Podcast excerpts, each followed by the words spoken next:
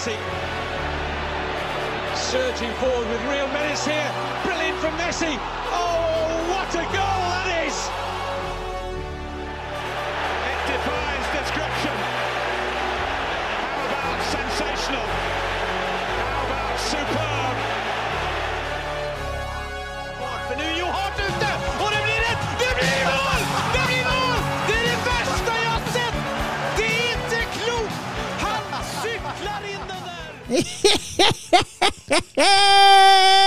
Det er mandag igjen. Strekk din hånd.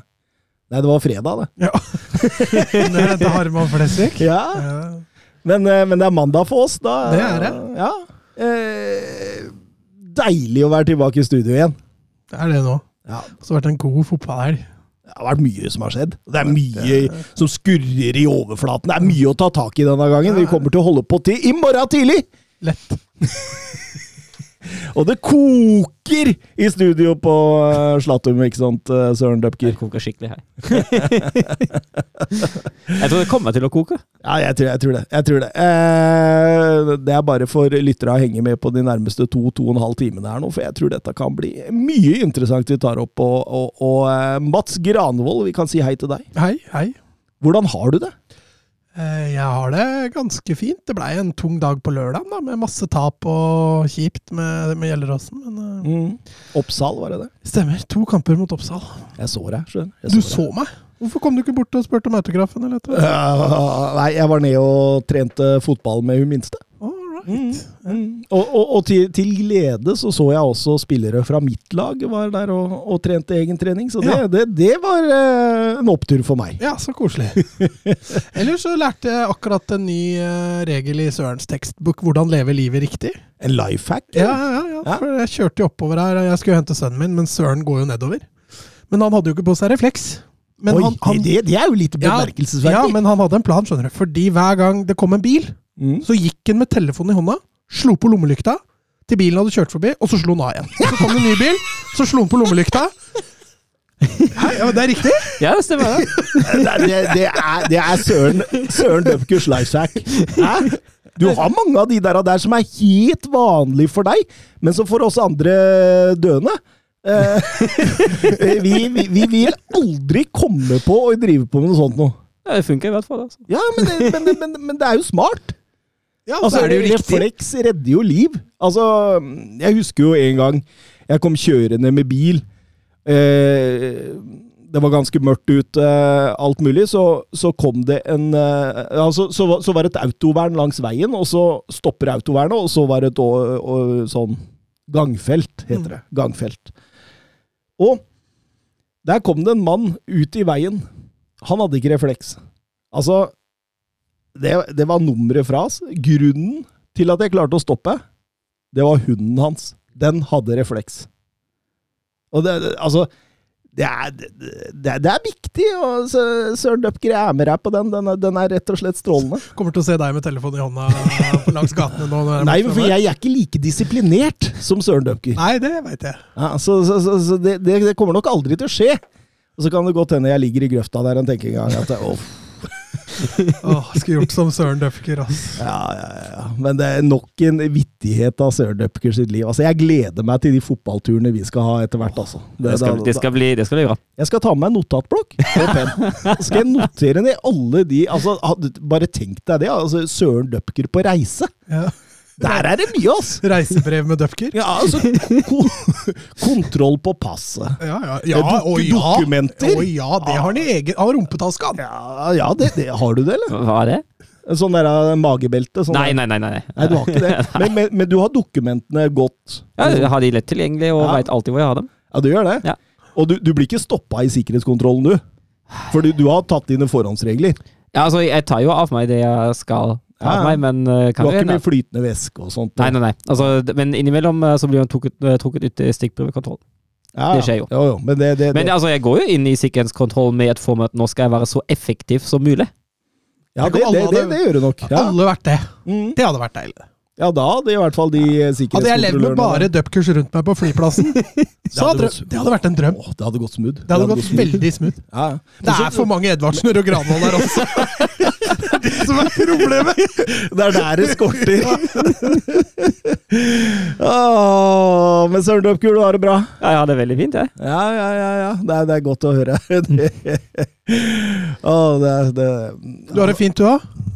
Ja, jeg har det fint. Jeg har slått ryggen, da, så jeg går jo dobbelt omtrent. Så det er grunnen til jeg ikke var på trening i dag. Nei, det har skjedd gjennom trening, rett og slett. Men du går dobbelt? Hva mener du med det? At man liksom går litt framoverlent for å ikke at Når man står, så står man litt framoverlent, og det heter å stå og gå dobbelt. Ok, Mm. Mm. Sånn i, i terminologien. har aldri hørt om det før. Nei, nei. nei men jeg, jeg, jeg, jeg sliter litt. Jeg lager sånne pappalyder når jeg reiser meg opp av sofaen og sånt. Du vet, den. Ja. Ja, ja, vet. Lager dem sjæl. Lager dem sjæl. Ja, du. Men det er ikke på grunn av ryggen, så. Det er en annen pappalyd. Ai, ai, ai, ai, ai. Twitter-spørsmål, gutta. Bernt Olav Gjellegjerde Hansen. Eh, hva tenker dere om Bodø-Glimt? Sist sesong ga de faen og dro til La Manga under covid, når andre lag var hjemme med treningsnekt. Og nå, dette med Ålesund. Har de fått Molde-syndromet allerede etter et par sesonger med suksess? Eh, nei. Men at de har begynt å bli litt høye på seg sjøl, det har de nok. Men akkurat den casen der med cupgreiene Jeg har ikke lyst til å legge for mye på Bodø-Glimt. Altså, her er det NFF og NFF og NFF og NTF, eller hva alle disse forkortelsene er. Det er de som først og fremst har driti seg ut. Kan man selvfølgelig si at Glimt kunne vært litt storsinna og sagt at veit du hva, greit, vi spiller på den oppsatte datoen. Ja, det er jo det de burde ha gjort. De bør ikke ha bedt om utsettelse i utgangspunktet. Jeg jo Jo, at jeg, ja, men jeg skjønner at de ber om det. Jo, jo, greit nok, Fordi men nå er vi en del av sesongen hvor de kan få det til. Men at NFF godtar det når Ålesund sier Vet du hva, vi har ikke kjangs. ja, og- Når Ålesund sier at vi ikke har sjans, da burde Glimt sagt ok, greit, hvis ikke dere kan, skal ikke det gå utover dere. Da Ja, spiller det, vi på ut. det er jeg for så vidt Ja. enig i, men her er det NFF som har vært Ja, inne og ja, det er godkjent. jeg helt enig i. Altså, Og det er NFF som har fucka til dette. Så, altså tenk NTF, som også er interesse- interesseorganisasjon for Ålesund. Ja. Og Det er jo helt sykt å tenke på. Mm. Og altså, Jeg syns skikkelig synd på Ålesund. Hadde jeg vært Ålesund-supporter, hadde jeg vært opp i 300. Som vanlig norsk fotballsupporter er jeg bare oppe i 100. Men altså, jeg synes dette, er, dette er helt, helt forferdelig. Og så svekker man, til syvende og sist ja, men, Og så svekker man norsk fotball. Det er jo det det går ut på, at en cupkamp i åttedelsfinalen ikke blir spilt pga. noe sånt tull. Det svekker norsk fotball. Men, men er det noe jeg har gått glipp av nå, eller cupkamp i åttende Nei, Nei, er det? altså- ja, altså, det er jo- Divisjon i cupcupkamp i Det er jo, det er jo cupen fra 2021. Den blir jo flytta, flytta Ja, til, til det. 2022 Er nå. Lillestrøm med der? eller? Ja, spiller, spiller åttedelsfinalen neste søndag uh, i Trondheim mot Nardo. Den burde gå. Den bør gå. Ja, gå. men vi møter jo da eventuelt Bodø-Glimt, hvis vi går Ja. Ja. Så Men nå er det da, jo da blir det hele- walkover, da, for vi flytter bak kampen. Krasj kommer til å lande noe greier Vi, mellom. vi setter den rett i Conference League, og så lurer vi NFF og TSF, eller hva du kalte dem, og så, og så, og så, så går dette videre. I så fall så er det Bodø-Glimt som går videre, ikke vi. Stemmer nok, det. Eh, Alex Bjørkan, hvilke tre midtbanespillere mener dere bør være med på sesongens lag så langt i topp fem-ligaen? Men tre, er det da et, en treer på midten, da? Eller en Ja, det er på sånn tre at- La oss si en 4-3-3, og så finner vi en treer på midten. jeg har, jeg har en som jeg mener absolutt bør være med, og det er Bernardo Silva. Jeg syns sesongen hans har vært så enorm så langt at eh, det å utelate ham, det kan man ikke tillate seg. Tenk City prøvde å kvitte seg med en omtrent for enhver pris i sommer. Uh, nei, Guardiola ville vel aldri kvitte seg med han. Ja, men altså, de, det var jo en del av Harry Kane. Jo, men Silva ville jo vekk. Mm. Fordi av covid, og han hadde hjemlengsel, og han, det var mye kjipt. Uh, men så var det vel ingen som var villig til å by det City ville ha.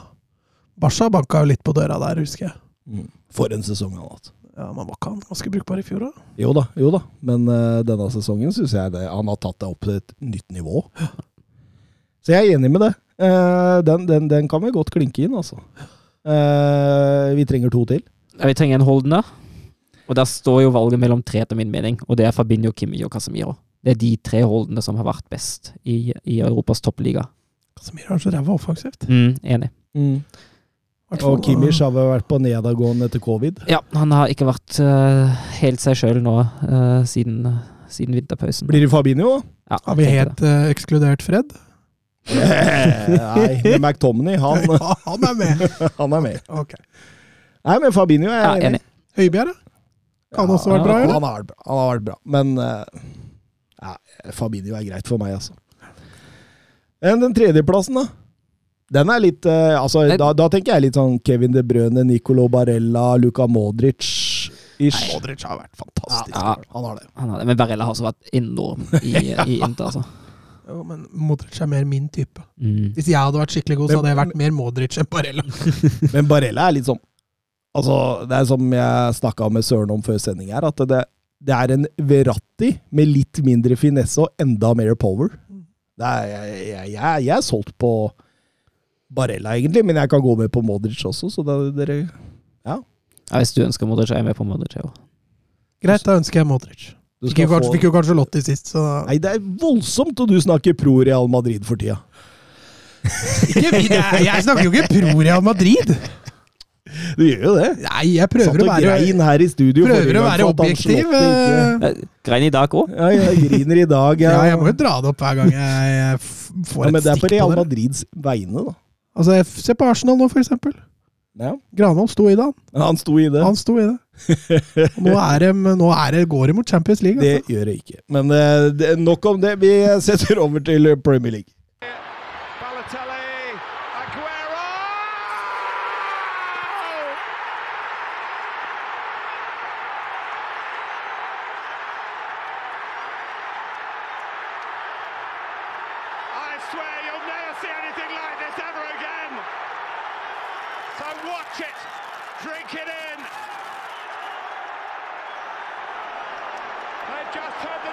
Og her er vi inne fra Premier League, eh, Thomas. Med en gang jeg sa det, vi setter over til Premier League, så skjønte jeg hva, hva i alle dager. Men jeg kan være Premier League, altså, hvis du vil sette over til meg. Eh, Chelsea eh, var på tur, dem. Turf Moor mot Burnley, og det er jo normalt sett ikke lett. Og det var det vel heller ikke førsteomgangen der, men jeg, jeg tenker vi må snakke litt det som skjer i klubben nå, med at Abramovic vil selge pga. direkte konsekvenser av krigen i Ukraina og diverse sånne ting. Hva, hva, hva, tenker dere rundt det? Er det forstyrrende for Nei, det tror jeg ikke. Jeg tror ikke det skal gå Prage noe sportslig, men det er klart, eh, spørsmålet her er vel hvordan han etterlater seg klubben. Han, vel, eh, han kan vel strengt tatt kreve å få betalt tilbake eh, de pengene han har brukt. Og da kan jo Chelsea bli sittende igjen med en ganske kjip gjeld, da. store Altså- lønnskostnader? Altså, altså kan man si jo si veldig mye om uh, Roman Abramovic, og jeg, jeg er ikke en fan av Roman Abramovic, uh, men som ein, eier av Chelsea har han, han har jo vært en av de eierne som virkelig har prøvd å, å Å gjøre, det beste, ja, gjøre det beste for klubben. da. Og det virker jo som han er oppriktig talt glad i Chelsea, så jeg tror han har lyst til å etterlate den klubben i best mulig shape, da. Mm. Um, men man ser jo på fansen til Chelsea at de, eh, de liker jo ikke det. Så du han der som ble intervjua på TV som Hvis det Romano Abramovic går, så da, da slutter jeg å se fotball. Det, det, det er morsomt. Det er én russisk oligark uh, ut av uh, fotballen, og så slutter vi å følge med på Det er jo, det er jo strengt tatt egentlig en god ting, da, vil jeg si. Eh, artig greie. Men, men jeg tenker jo Thomas Tuchel stadig under press der i media, får mye kommentarer rundt dette. Var den videoen av han ekte? At han jaga en kar med balltre? Nei, det, det var en som ligna Mats. Ok. Men um, Chelsea vil jo alltid klare seg, både, selvfølgelig, men altså, nå sitter de her med ja, Lukaku var benka igjen. Timo Werner eh, får dem ikke i gang. Altså, det er to superspisser til samla verdi av 1,5 milliard som sitter på benken der. og det, de, de har jo utfordringer. altså Det med Forsvaret, kontrakter i Forsvaret der. Christensen er vel verdt det å bli klar for Barca. Ja, det virker jo sånn. Og, og Rudiger han skriver jo ikke under. Nei, men der har det jo vært, ryk skriver ikke under. der har det vært rykter i begge Aspelykveita tror jeg drar. Mm. Rydiger er litt mer usikker på, for der har det vært rykter begge veier. Mm. Mm. Men de, de må nok uh, ha inn noen forsvarsspillere. ja. Og det er litt usikkerhet der, altså, men uh, Ja. Nei, jeg syns jo Burnley spiller en strålende førsteomgang, egentlig. Ja, første omgang altså, varierer presshøyden veldig godt. Når de først ligger dypt, da er det ingen rom å hente for Chelsea uh, i det hele tatt. I, uh, i, egentlig i siste tredjedel, i det hele tatt, og i hvert fall ikke i sentrale posisjoner. Uh, de tre på topp der, Havertz, Pulisic og Mount, de virker fryktelig isolerte til både resten av laget og hverandre. Ja, spesielt Mount. Han var overraskende anonym. Altså. Ja. Ja. egentlig andre omgang òg. Rett og slett ikke i form. Så der klarte han klarte de å pakke inn veldig bra. Pulisic fikk jo litt mer rom, men eh, han greide jo ikke å utnytte det han når det ble som trangest foran, foran på hopp der. Og jeg, jeg syns altså nå Burnley først er oppe og presser høyt, Uh, og det blir jo, de blir jo modigere etter hvert utover i første omgang. Det ser jo ikke så halvgærent ut det heller. De tvinger jo fram uh, feil hos Chelsea. Men Vegårs har fortsatt målformen han hadde i Wolfsburg. Ja, han hadde. det. det blir jo ikke farlig når han får ballen, stakkar. Nei, absolutt. Uh, han uh, Vegårs Jeg, jeg, jeg syns jo han er bedre i oppspillsfasen da, enn det Chris Wood var. Ja, ja. Så jeg synes han har jo bedre måte ferdigheter. Ja, så, så, så, så du ser på en måte at det, altså, selv om han ikke har bøtta inn med mål, så, så, så, så tror jeg er en fin erstatter altså, for uh, Chris Wood i den måten og Sean Dyche vil spille fotball på. Mm. Og, og, og du ser jo her òg, altså, at, eh, at Burnley skulle gått i pause med både 1 og 2-0, kunne jo fort ha skjedd. Mm. Men så blir jo annenomgangen totalt forandra. Ja, de kjappe spillvendingene, og spesielt da over på James, blir jo blir ganske avgjørende. Og James får jo en strålende andreomgang med både assister og skåringer. Og, og det blir jo helt klart utslagsgivende for, for, at, eh, for at Chelsea vinner. Og så får de to kjappe, og det tror jeg ødelegger Burnley. Ja, og det, det ser du jo etter, etter, etter 3-0. Da er jo Altså, kampen er jo kjørt. Ja. Det er jo ikke noe mer som, som skjer. Det er jo transportetappe for Chelsea til slutt. To eh, Kai Havertz-mål, søren. Ja, det er veldig fint å, å få ham i gang. Jeg er jo, hvis vi snakker om spisser som ikke fungerer, så Havertz er i hvert fall eh, en spiller som kan ta den plassen og levere. Han, han leverer ikke 25 mål, han. Nei da, men han, altså, men han, er jo, en- han er jo en litt annen type spiller, da. Han er jo ikke Ja, den ja. som, eh, som skal levere de bare mål, da. Men Chelsea trenger jo en nier. Ja. Det er jo det de har savna og savner. At Havertz kan levere Så har de Lukaku og Werner og, på benken, og Brocha driver og skårer mål i, eh, i Southampton, og Abraham er ikke han fortsatt Chelsea-eiendom, egentlig, også, som driver og Nei, har ikke han betalt masse Ja, de, de betalte masse for han, det stemmer det. Eh, Men, eh, men eh, Michi Bachuai har de vel i bakhånd der et eller annet sted. Og nei, det, det, det er ikke lett å bli nummer ni i Chelsea, søren. Nei, åpenbart ikke. Men skulle jo tro dette var et av de litt lettere lag å være nummer ni for. Ja, det burde det. Drogba løste det, han, Mats. Ja, de skulle børsta støv av han. ja, henta han tilbake. Eh, Pulisic setter 0-4 der, og det er kjørt, og, Chelsea har god kontroll inntil dette. Og det er den største borteseieren i Premier League hvor det har stått 0-0 til pause. Siden Tottenham gjorde det samme, altså vant 0-4 mot Villa i 2012. Så det er sterkt. Det er sterkt. Eh, Liverpool-Westham.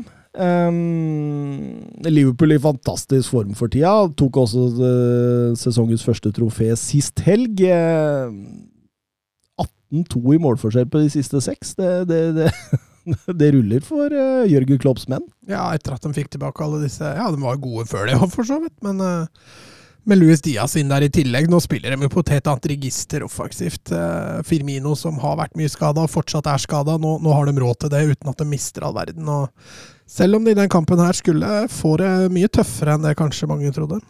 I hvert fall utover der. Mané setter 1-0. Um, Westham eh, sånn. Ankepunktet til Westham, det er liksom når de blir fallende så dypt med de to firera. Blir så langt opp, ja. Ja, ikke sant? Og når de heller ikke har Declan Rice, noe som selvfølgelig var en kjempe Altså, du, å, å dra til Anfield med det, din beste kontradekker eh, ute, det er jo veldig dumt, men de faller så langt tilbake der. Ja, de gjør det, og det gjør også, vei, altså de gjør også veien til, eh, til Liverpool-målet utrolig langt. Uh, og så funker altså, jeg, tror, jeg tror de er veldig redde Sali etter den eh, tidlige starten til, til Sala, da han nesten skåra 1-0. Han skåret uh, nesten 2-0 òg, rett Ja. etterpå. Da. um, jeg tror, de, jeg tror Westham blir veldig redd for å gi dem for mye rom. For mye Mm. bakrom å løpe i. Liverpool slår jo, slår jo en del langt og jakter jo det rommet der hele tida. Og da blir de pressa Jeg er enig i at de blir pressa for lavt. De gjør det. De må stå litt høyere, for det, det blir de der to-fire eller fire blokkene, på holdt jeg på å si, som Altså Keita som vrir til, tre- til Alexander Arnold, og han banker vel til. Jeg tror han prøver å skyte. Ja, jeg tror Ja, jeg tror også det er et skudd. Mané sniker seg bak dåsen der og setter ledelsen, og det var eh, Altså, noen steder står det 17, men Oppda sier 16. assisten til Trent Alexander Arnold denne sesongen. Sterk, det. I alle turneringer, ja. Ja, ja. Mm. Det var vel er det 10-11 i Premier League nå? Ish? Ja, det var i hvert fall personlig ja. bestenotering fra han, var det ikke det? Mm, mm. Super Sub Sivert, Trent med nok en assist. Hvor mange ender han opp med i alle turneringer? Og jeg tenkte jeg skulle regne litt på det, jeg, da. Mm. Så jeg eh, var bra du gjorde det. da. Ja, ja. Så, la, oss si, la oss si han har 17, da. Sånn som for eksempel Transfermarkt. Eh, opererer med. De sier 17 i alle turneringer. Det er sikkert fordi han har skapt et straffespark som teller som, eh, som assist. Så det er egentlig 16, tror du? Ja, vet, ja, det kommer an på hvordan man teller. Altså, I Tyskland teller man den som skaper straffespark for et assist. Det får de også i Fantasy, mener jeg å huske. Mm. Så det kommer litt an på tellemåten. Jeg kan tenke meg at det er noe sånt, da. Ja. Men la oss si han har 17, da. Så har han 32 i, på 32 kamper i alle turneringer. 17 på 32 kamper. nesten- Det er ganske vilt. det- er er litt over- over en halv Ja. per match. Så kommer det jo selvsagt an på hvor langt Liverpool kommer i Champions League, i FA-cupen, men jeg antar jo at de kommer ganske langt begge steder. De kan anta at de i hvert fall får tre kamper til der, da. Ja, i hvert fall. I hvert fall. Og, og um, la oss han, si han spiller 18-20 kamper til, da. Det vil bli, be, bety rundt 10 assist til, og da ender han faktisk opp på rundt 25-30 assist. Som høyreback. Det er helt sykt. Eller det hadde, det hadde vært helt sykt. Det er et nytt nivå i så fall, hvis han fortsetter i det. Jo, jeg har vært litt innpå det før, da. Altså, Wingback med en god fot i Liverpool, da, da har du gode kort på hånda i Klopp sin stil, altså. Altså, det, vi så dem med Milner og Tsimikas på hver sin bekk eh, for et par helger siden. Det var ikke like Nei, men det er jo det jeg sier òg, Mm. du må jo ha kvalitet nå. Men uh, Jørgen Klopp er, bygger jo opp mye angrepsspillet sitt med bekkene. ja. Så den blir jo veldig involvert, da. Eh, og så skal det sies at den høyre, det høyrebeinet til Arnold, det, det er ganske, ganske presist, altså. Men utover i kampen så syns jeg Westham blir bedre og bedre. Ja, og særlig når de får i gang sitt direkte spill. Eh, når de kommer seg forbi eh, første og andre presslett uh, til Liverpool. Da, er det, da er det mye bakrom, Mm. Eh, og det har Westham-spillerne til å utfordre. Det er jo, de er jo nære scoring ved flere anledninger, særlig på sånne kjappe overganger. Dette bakrommet, Mats, det viser seg gang på gang hva har vært en liten akilleshæl i Liverpools eh, forsvar eh, denne sesongen. Ja, og det er da spesielt hvis man greier enten å få slått den såpass tidlig direkte i bakrom, hvis du har en spiss da som ligger tett nok på stoppera, eller hvis du greier å spille av det første presset. Og det er jo, begge deler er jo veldig vanskelig, for hvis du ligger lavt, så ligger gjerne ikke spissen på siste stopper. Den ligger jo gjerne enten på den dype eller enda lavere. Eh, og da blir det, selv om du da vinner ball, så er fortsatt spissen ganske langt unna, tror jeg, i bakrom. Eh, og, det, og når du, å spille av det første presset til Liverpool, det har vi sett mange lag aldri greie. Så, så det er en god prestasjon av Westham når de faktisk greier å snu det litt. Mm, absolutt. Det var jo altså sjansen til Lanzini, den.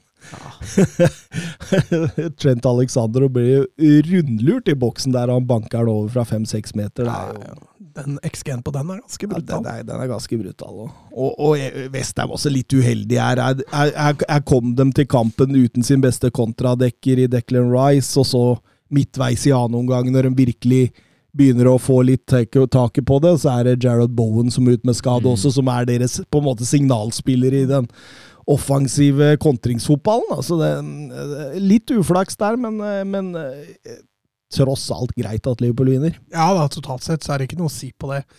Eh, men, men det er jo som du sier, jeg syns Westham fremstår bra, spesielt utover i andre omgang. Så, så vi byr dem Liverpool på litt trøbbel der. og Jeg tror nok eh, både supportere og, Klopp sjøl var ganske fornøyd når den kampen var blåst av. Altså.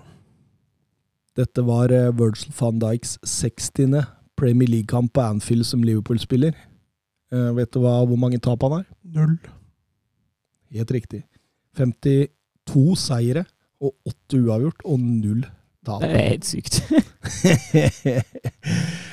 Over til Watford mot Arsenal.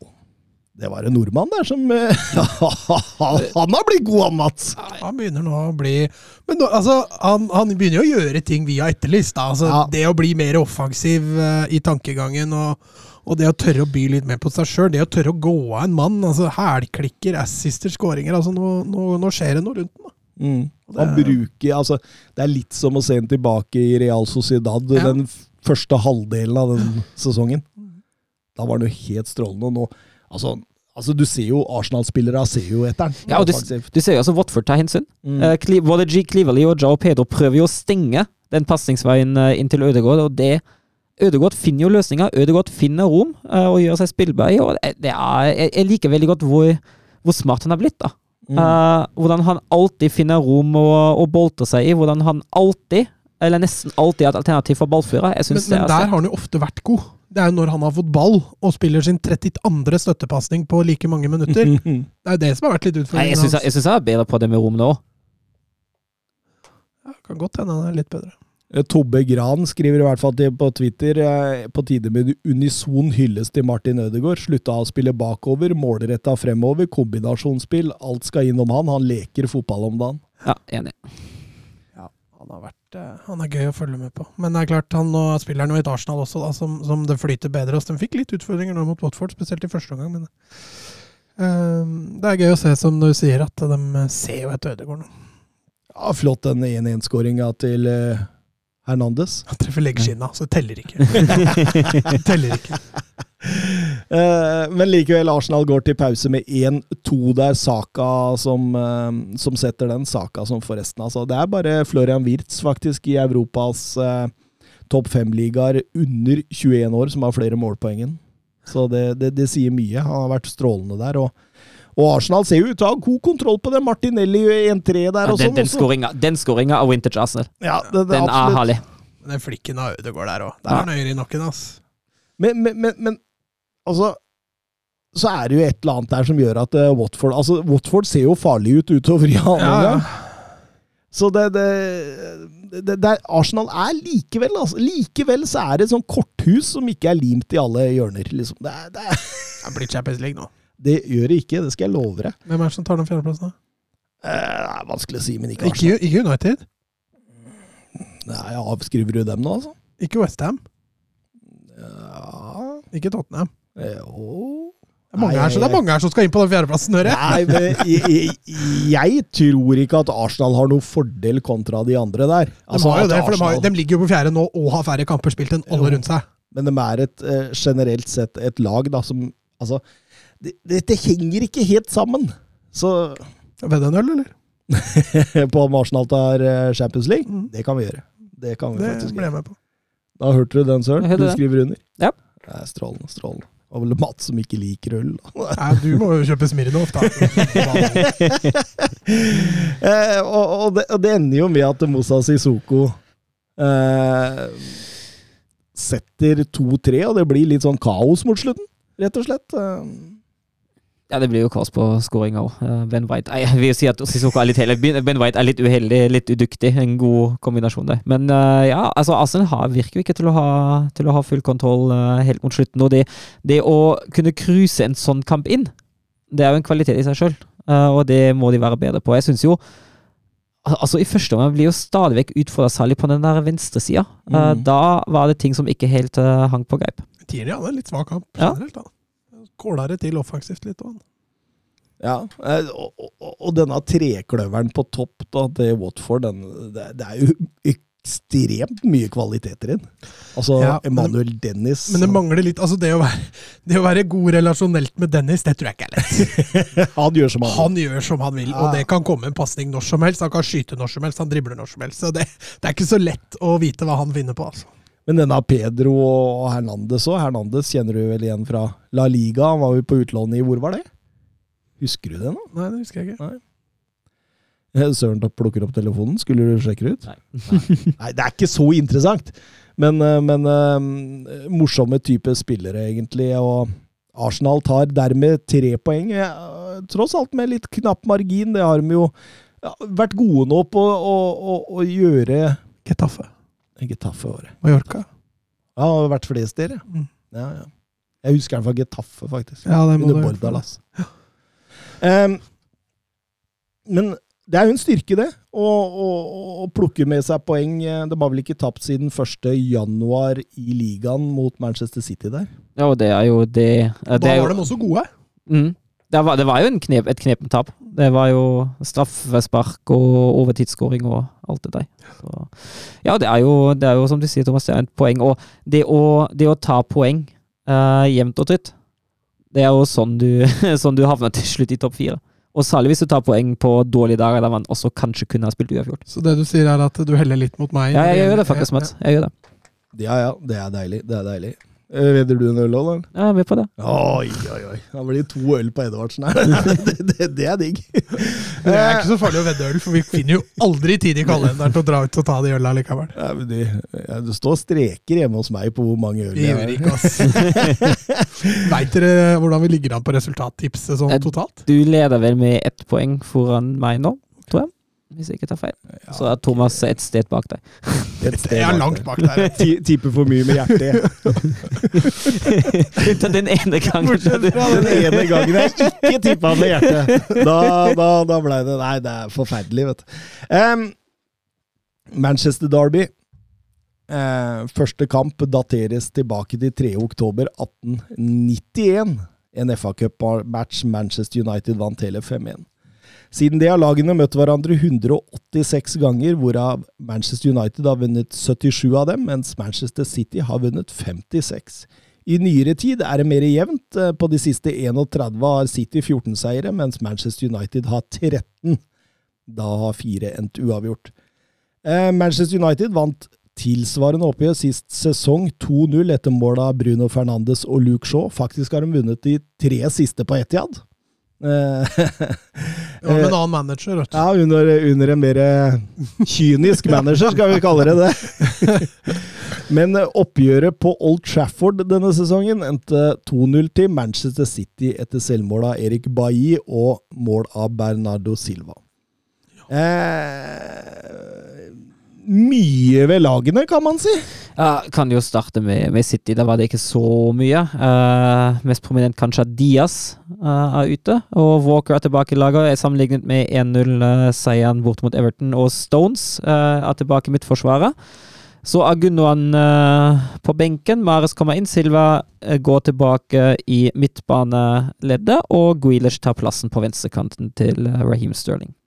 Ja, det var United egentlig var mest call rundt. Luke Shaw var vel ute med covid, så, så Telles kommer inn, eh, kommer inn der. Og Varan også ble rapportert med covid, ble han ikke det? Mm, Eh, så mm. der var jo Maguire og Lindelöf tilbake igjen i Dream Team. I tillegg så ble jo den store snakkisen da med, med Cristiano Ronaldo, så om han var rett og slett vraka, eller om han var dårlig. Og der eh, har jeg ikke klart å finne noe godt svar. Nei, men hvis vi skal høre på søsteren hans, eh, så sier hun i sosiale medier at han er eh, frisk og klar for å spille. Så da Ja, kan man jo leste- tolke den som man vil. Jeg også leste det at han skulle egentlig sitte på benken, men det var under hans verdighet. Og blei derfor ikke med. Det har jeg også lest. For- Men jeg har også lest at han har en skade. Ja, det sa Ragnhild. Mm. Altså hvis, hvis det er sant, få en egosentrisk spiller.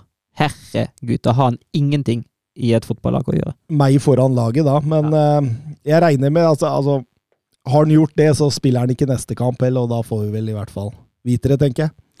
Ja, Hvis han ikke er skada. United kommer sikkert til å dra denne ut i så fall, ja. Men altså, for å være helt ærlig, jeg ser ikke at det, var, at det, at det hadde vært et tap om Ronaldo ikke spilte med for United. Ikke, så, ikke som det framstår akkurat nå. Altså, Hvis de skal spille med Bruno Fernandes som falsk nier og Elanga som bakromsspiss, holdt jeg på å si, så, så kan det jo bli et tap. da. Det er jo klart det at det må jo ha inn Altså, Så lenge Cavani er ute, i hvert fall. da. altså nå har jo Greenwood ryket.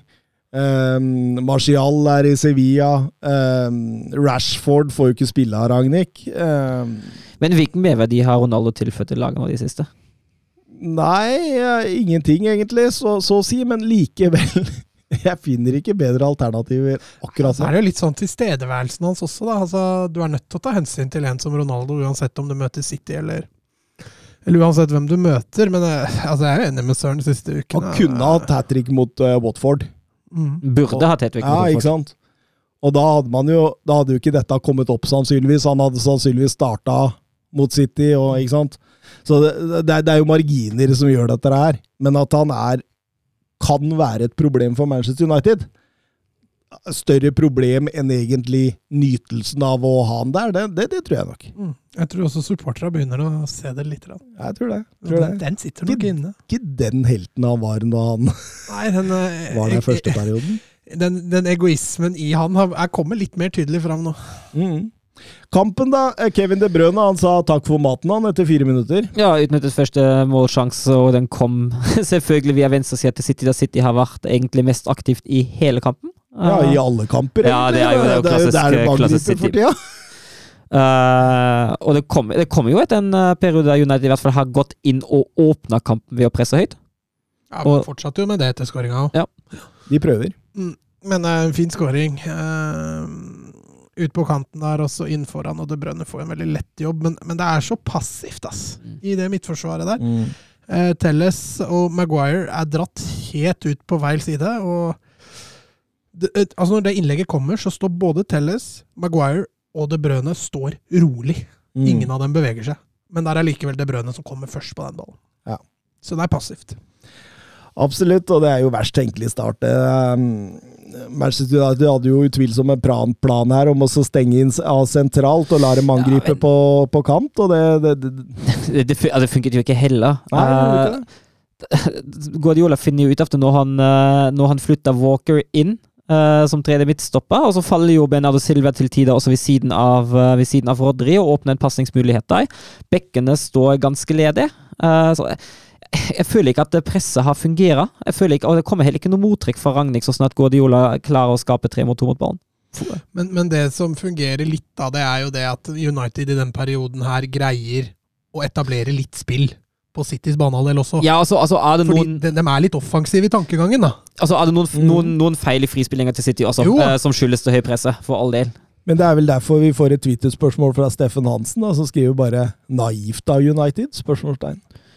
Altså, fordi Dette er jo en helt annen tilnærming enn eh, det Solskjær vant tre på rad på Etiad på, hvor du skulle bare ligge kompakt med blokka, og så skulle du kontre med de kontringsspillerne. Her så, så, så, så, prøver man nærmest også å spise kirsebær med Manchester City. Nærmest ikke ta hensyn. Eh, Noe hensyn tas, men ikke så voldsomt mye. Altså, jeg, jeg føler kanskje det mest naive uh, er å ofre en midtbanespiller eh, for å ha to mot ballen i toppresset. Uh, for det overtallet på midtbaneleddet, uh, det, det særlig i det venstre halvrommet, der sitter de overloader hele tida, det blir fatalt for United. Ja, For det- de gikk jo opp med Pogba i det Ja. presset hele tida. Og hadde han vært litt dypere, hadde han klart å skjære av og dekke opp litt av det halvrommet, tror jeg kanskje det kunne ha sett litt bedre ut. Og det kan ikke ha vært noen overraskelse, som du var inne på, Thomas, for Ragnhild, at City liker å angripe i det venstre halvrommet. Nei, det Men da, da var det tynt også. Og den, den skjønner jeg ikke helt. mm, Så ja, jeg er enig i at det var litt naivt. Absolutt, absolutt. Um, City får jo en bra sjanse der med Kevin De Bruyne, og etter 17 minutter der, Pogbasen Pogba som taper ball og City stuper i angrep. eh, Kevin De Bruyne drar jo seg elegant forbi Lindeløf der og skyter, og så blir det en retur der hvor Maguire får frispark. Altså, Jeg sier ikke at det er straffespark til Foden, Nei, men da, Det er Ingenting å blåse for, tenker jeg sånn generelt. Bare la det gå. det var den trygge løsningen dommeren Mm. tok. Den, det blir ikke altfor store kontroversieller hvis jeg blåser frispark her nå. Men blåser jeg straffe, så blir det nok helt sikkert noe Ja, for altså, slik jeg ser det, og jeg sier ikke det er straffespark, men slik jeg ser det, så gjør jo Maguire mer Mm. eh, feil eh, mot eh, Foden enn vice versa. Maguire gjør generelt mer feil. Han har vært dårlig denne sesongen, altså. Det er så artig når de finner sånne memes med han som står feil vei eller et eller annet. Ja, Det er så humor. det, det har vært voldsomt, dette her. Altså, det, det ser ikke bra ut i det hele tatt. Ja, det bildet du sendte òg. ja, på Instagram. At det var, det var, det var en som, eh, som gikk inn og og hva var det, ikke anmeldte, men meldte, meldte, Rapporterte. rapporterte profilen uh, til da Instagram uh, for 'pretending to be a celebrity'. Uh, og, så skrev, og så var spørsmålet uh, 'who is he pretending to be?' Og så skrev vedkommende der inne 'football player'. Men Salcho setter 1-1. Ja, det var jo en nydelig overgang. Det var jo det City slet litt med i starten av kampen, å finne på den offensive markeringa og hindre de overgangene til United. Fin ball da av Pogba ut eh, til, eh, til Sancho, og han eh, drar seg fint inn og plasserer ballen akkurat ved stolperota. Akkurat da Ederson ikke når fram. Litt vintage Sancho fra Mm. Dortmund. Mm. det. Og viktig, viktig løp av Bruno der, som drar Mm. Walker med seg og åpner det rommet. Eh, litt svakt av Rodri der, som slipper han litt lett forbi, syns jeg. Så Ja. han, hadde han vært litt mer eh, i balanse der, så hadde han jo klart å følge han utover og rett og slett presse han utover. Men, men det gikk fort, og United setter 1-1, og, og det var jo veldig moro for kampen. da, Men det, det tar jo ikke lang tid før Kevin De Bruyne sier eh, hei igjen. Nei, og, og etter etter 1-1 har City jo klart best. Ja, Det er jo da- det er nå det eksploderer Ja. litt for City. Og, men den der sjansen her hvor det som slutt går til mål, da, det Mm. var jo en eventyrlig sjanse. Ja, og så- og så kom, Det kommer jo også av at City gjenvinner igjen og igjen og igjen. Ja, men det er svakt oppspill av Ja, United. det er jo Elanga der, hva er det han driver med? Skyter han rett i huet på Cancelo, eh, og så etablerer jo bare City på nytt med en gang. og Super gjennombrudd Sissi, og får vel to kjempesjanser før De Brøne greier å til slutt å få han i mål. Kan du hylle DG litt, den redningen mot Ja, den den, er, er- den er nydelig.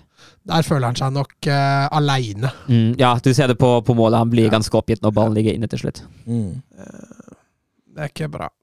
Nei, men det er klareringa til Telles der òg, liksom. Ja. Det er greit, han han har jo ikke peiling på hva han har bak seg, men han legger den jo rett i fanget på De Jeg tror han bare prøver å få en fot Ja. på den, liksom. Og det, det, det er litt kaos baki der, og det Nei, det Herfra ut så er det jo Det er, ikke, det er egentlig ikke så jævla mye å analysere sånn eh, grovt her, altså, for nå, fra nå er City fullstendig dominante. Altså, de, de skaper overtall over Mm. og Mm. United er ikke i nærheten av å dekke rom som bør dekkes, og eh, City leker.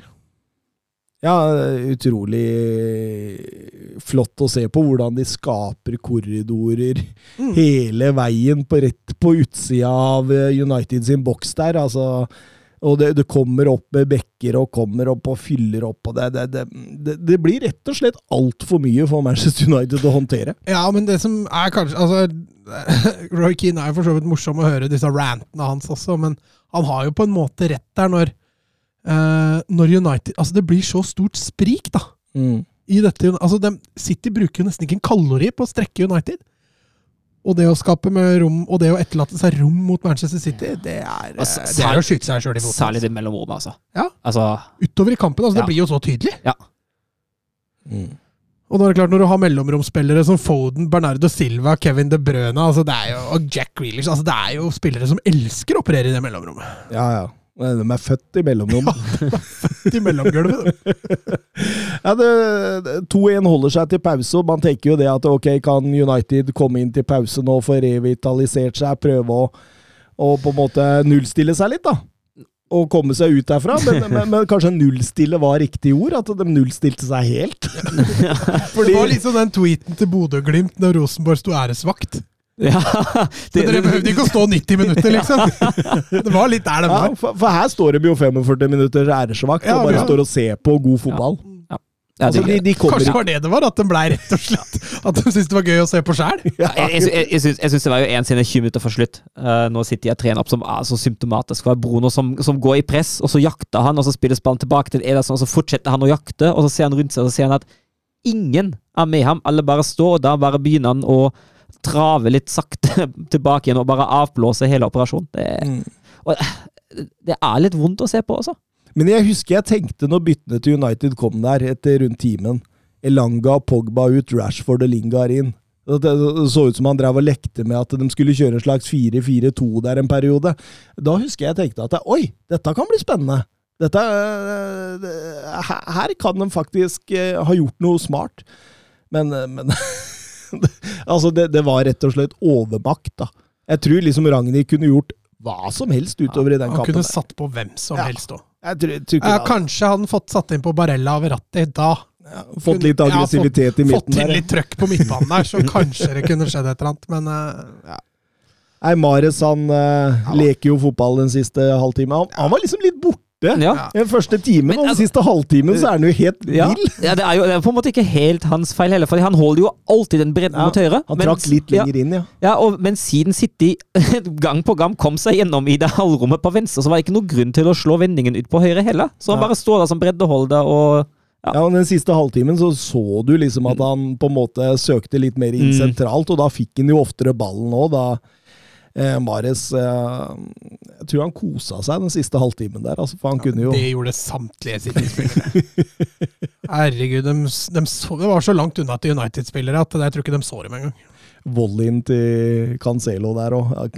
DGA hadde en god kamp, altså. mm, han hadde- Han hadde en god kamp, men det var klasseforskjell. eh, Så det synger eh, opptatt-tall på Manchester United i annen omgang. eh, Var eh, 0,06 i XG, null skudd. Og 0,06 Ja. ja.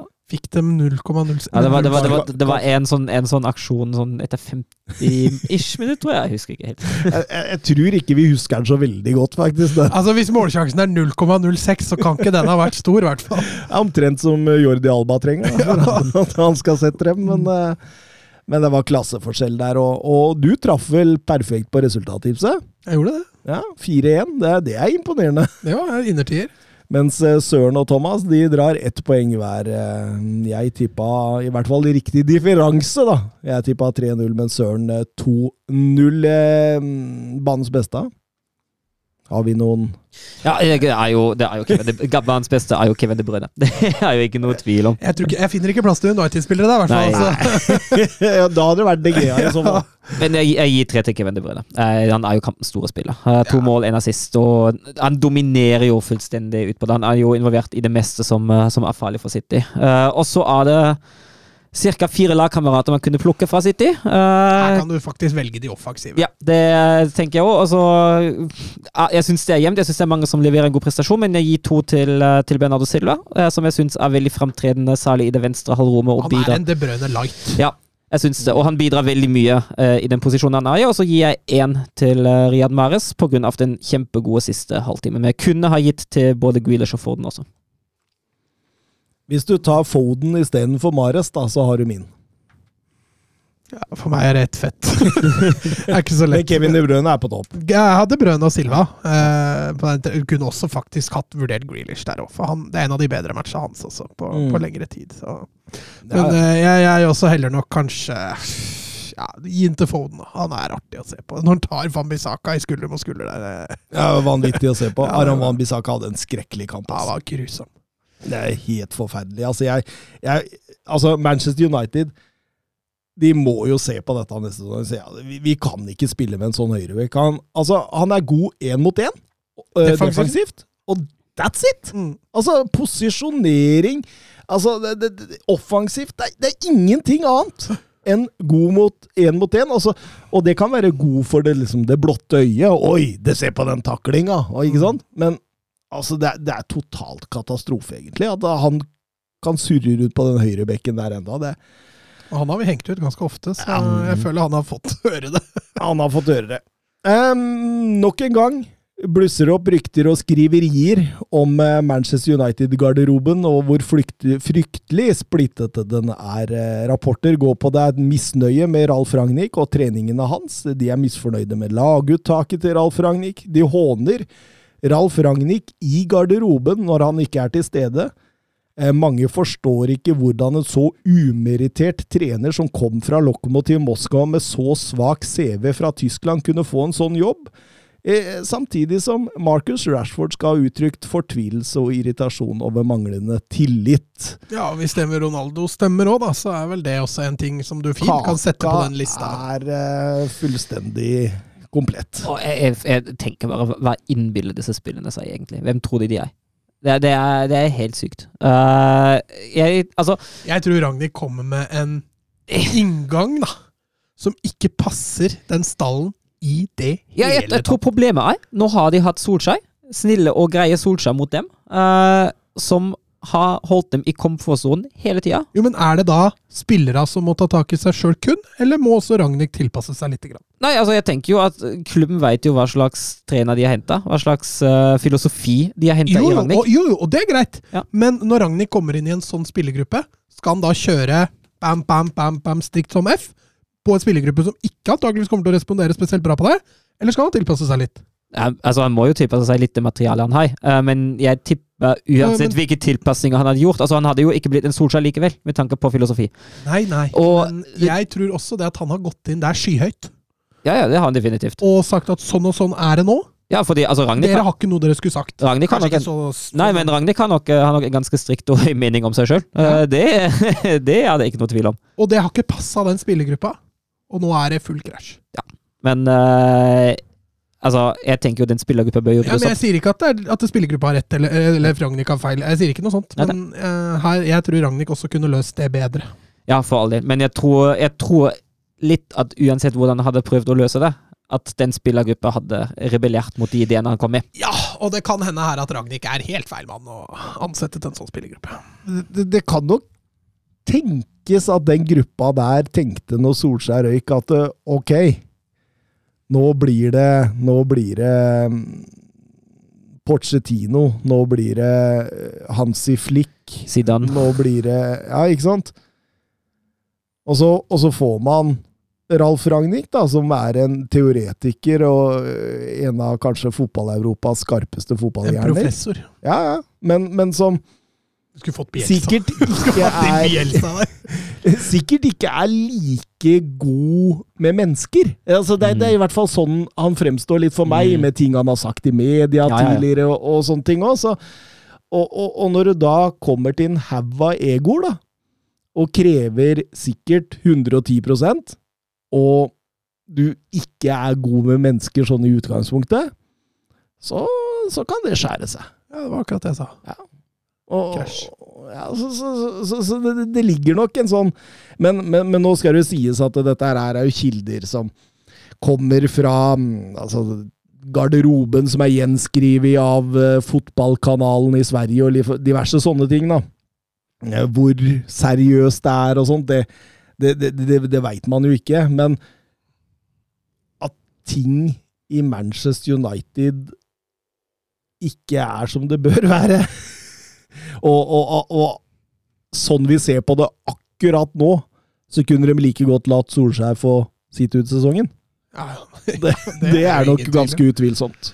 Uh, det, det, det var en setning du ikke trodde du kom til å Ja, si. ja, eh, absolutt, absolutt. Men, men, men jeg, jeg, jeg tror ikke det hadde blitt noe verre Nei, er du gæren. med Solskjær. Det har jo knapt nok gått bra etter at Ja, men altså, så du ikke den um, TV 2 presenterte jo talla.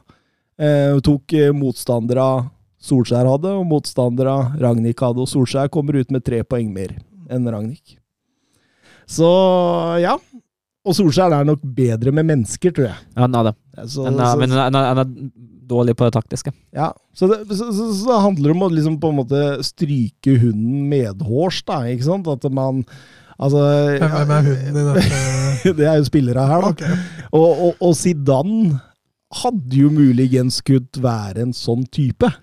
Som kunne kommet inn eh, på den måten. Men han er jo bare en litt annen versjon av Solskjær, på en måte. da. Han Ja, er nærmere Solskjær, da. Ja, ja, Ganske lik på mange måter. Eh, men det blir veldig spennende å se dette her videre nå. Altså det, det kommer til å smelle, regner jeg med, hvis noe av dette her er sant, og det med Ronaldo og diverse. Mm. Og, og United har et kjempeproblem.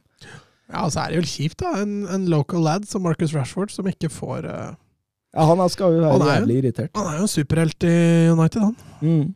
Og, og, og man kan jo lure litt på når man så City-kampen, og hvorfor han ikke egentlig starter den kampen der.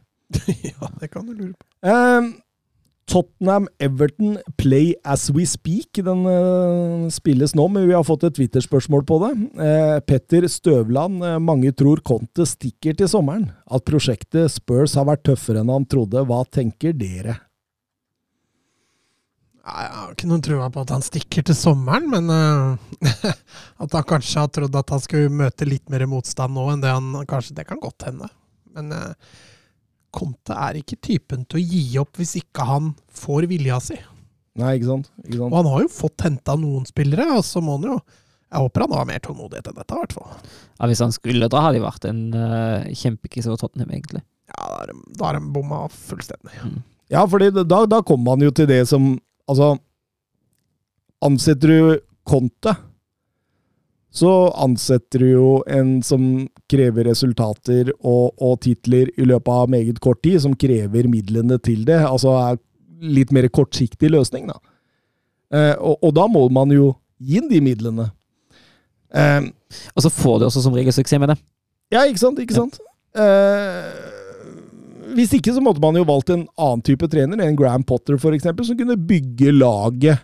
Ikke sant? Hva er det du gliser av? Nei, Husker du ikke jeg sa det? Ja, ja, men altså Som kunne bygge laget. Altså, Jeg sier ikke at det er den rette. Jeg, jeg har fortsatt ståltro på Conti. Jeg husker du ikke når han blei ansatt? Og, og alle, var, i hvert fall Tottenham-fansen, var i himmelen. Så sa jo jeg til dere at dette kommer til å ta tid. Og, og at Conte er avhengig av et sommervindu og en hel preseason før dette kommer til å, å, å kunne liksom, man, man begynner å vurdere dette, da. At eh, altså hun så Morten Langli og sånn satt der, og Conte, han ordner det med en gang. og sånn. Nei, det er ikke så enkelt, og i hvert fall ikke Tottenham. det, det er ikke så enkelt. Hvor lang tid trenger han? Nei, altså Må jo se resultater og, og se eh, Jeg Altså- bare tenker på sånn med tanke på Jota. Du har jo vært ganske langt tenkelig med tanke på når han flopper. Ja, Han driver jo og flopper nå. Har du ikke merka at han har gått ned igjen? Nå har han vært skada og knapt nok, og når han kommer inn, så er han dårlig. Og har du ikke sett det? Hæ? Jo, jeg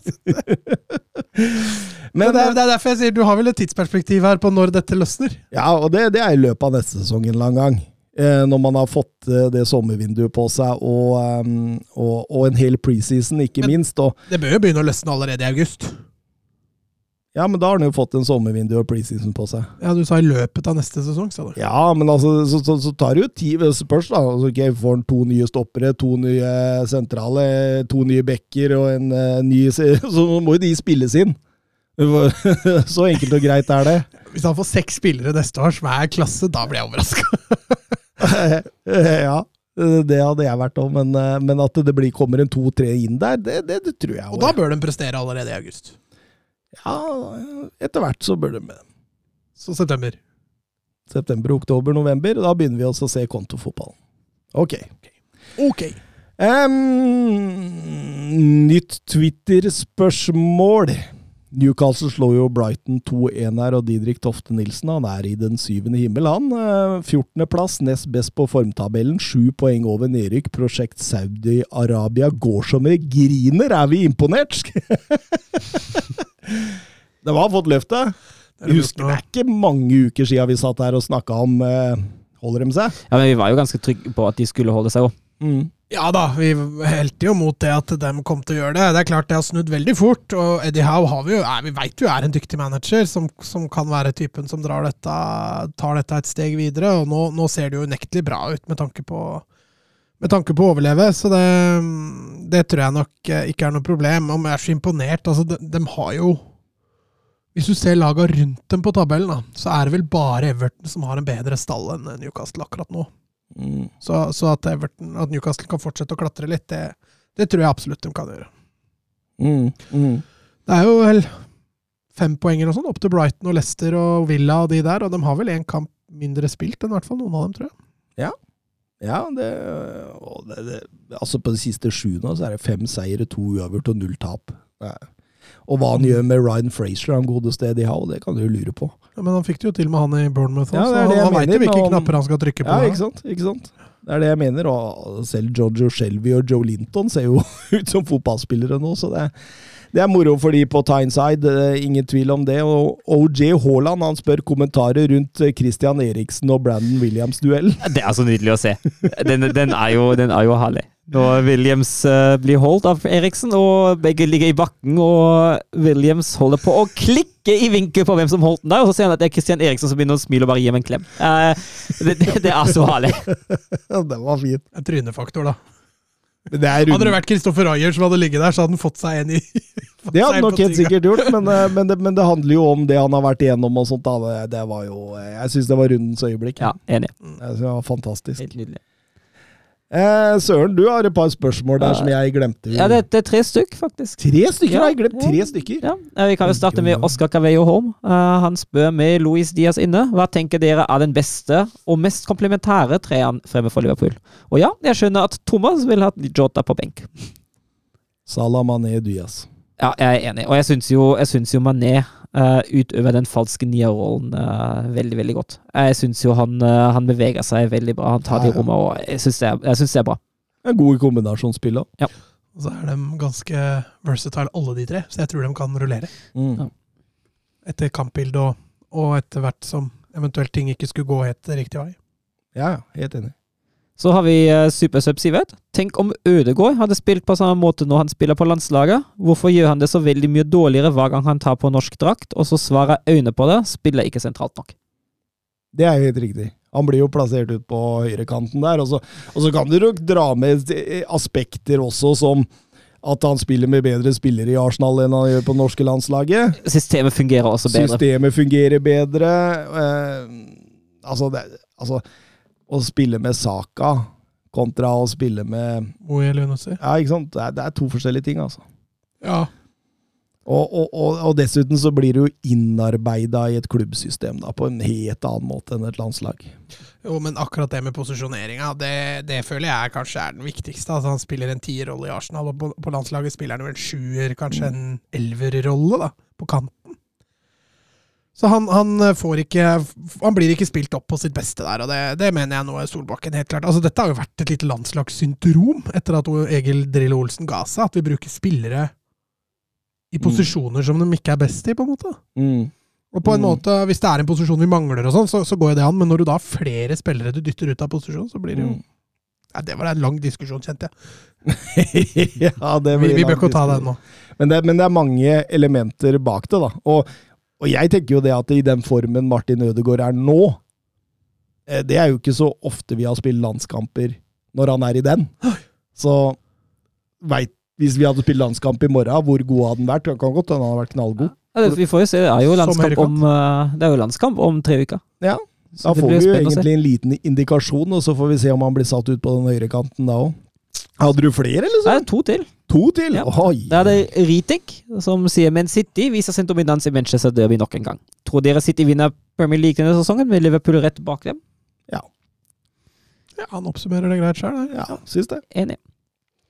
Så har vi siste fra Geir Halvor Kleiva. Ja, den, den, den, Den skulle. Ja, skulle ja, jeg til. Ja, nei, Den skulle da- jeg til nå. Eh, se for dere at eh, klubben øverst på tabellen i Premier League skulle bytte trener med klubben nederst på tabellen, og nest øverste med nest nederst, osv. Hvilken klubb hadde kommet best ut og dårligst ut i et slikt scenario? Altså, Men, best, men skal du ta hele Premier League da, eller? Eller tar Nei, bare, han tar spør jo bare egentlig bare om hvem som kommer best og dårligst ut. Ok, sånn. altså, Så, så, så det, det, det, det, det Ja, men Da må vi først se hvem som får hvem trener òg, da. Altså, Sean Dyche hadde vært i Chelsea. Det hadde Ja. vært artig. Og Jørgen Klopp hadde vært i Watford. og Guardiola i Norwich City. Ja. Norwich hadde holdt det. Så de hadde jo Ja. Eh, Watf Altså- Tenk Klopp i Watford, da. Han, ja, han, har jo, ja, for han, han har jo de sånne tre spirrevipper på topp med, med enorm fart. Og, ja, men det det jeg mener. Jeg tror Watford kunne gjort det. Altså, Ja. Klopp tror jeg også har en stil da, som det er lettere å tilpasse en, en hva skal kalle det, en litt svakere stall. Har du tempospillere, så kan du spille Klopp-fotball. Ja. Og har du energi på midten, Ja. og det har de jo også. Ja, så jeg tror Watford kunne gjort det bra, bra der med Klopp, mens Liverpool med da med med, Hvem er det som er i Watford igjen nå? Hodgson. Hodgson, ja. Det, har- det, det har de jo prøvd. Det hadde jo blitt traurig. Men uh, United hadde jo fått Frank Lampard. Ja. Det hadde vært en spennende skue. Det også kunne jo blitt Det hadde vært spennende skue. Hvem hadde, hvem hadde fått Ragnhild? Everton, da. Everton, ja. Stemmer. Oi, oi, oi. Det, det, det kunne vært bra for Everton, faktisk. Det, det, er, det er nok en spillergruppe som hadde tatt metodene hans litt bedre. Mm. Eh, Conta hadde vel gått i Brighton, Det hadde vært morsomt, det òg. og Potter til Tottenham. Det var jo Den er diskutert.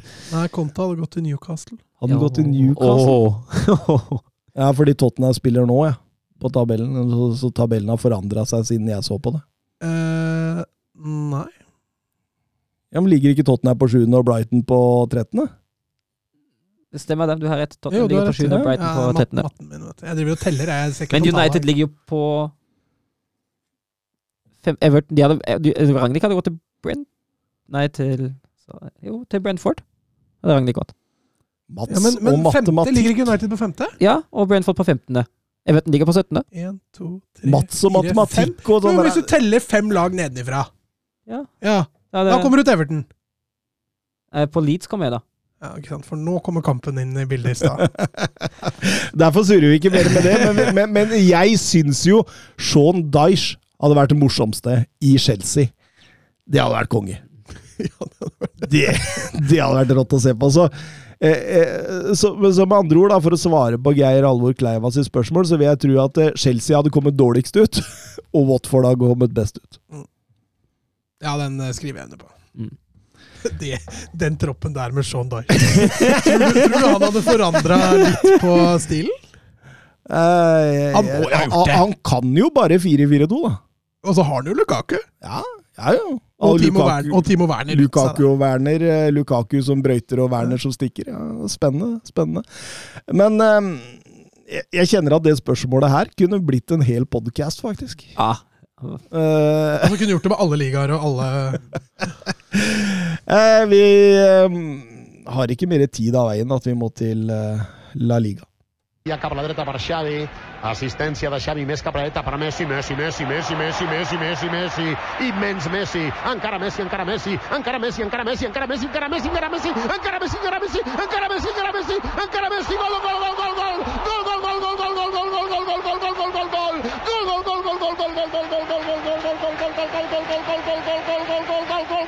Alaves eh, Sevilla eh, 0-0. Sånn, da var vi ferdig med den.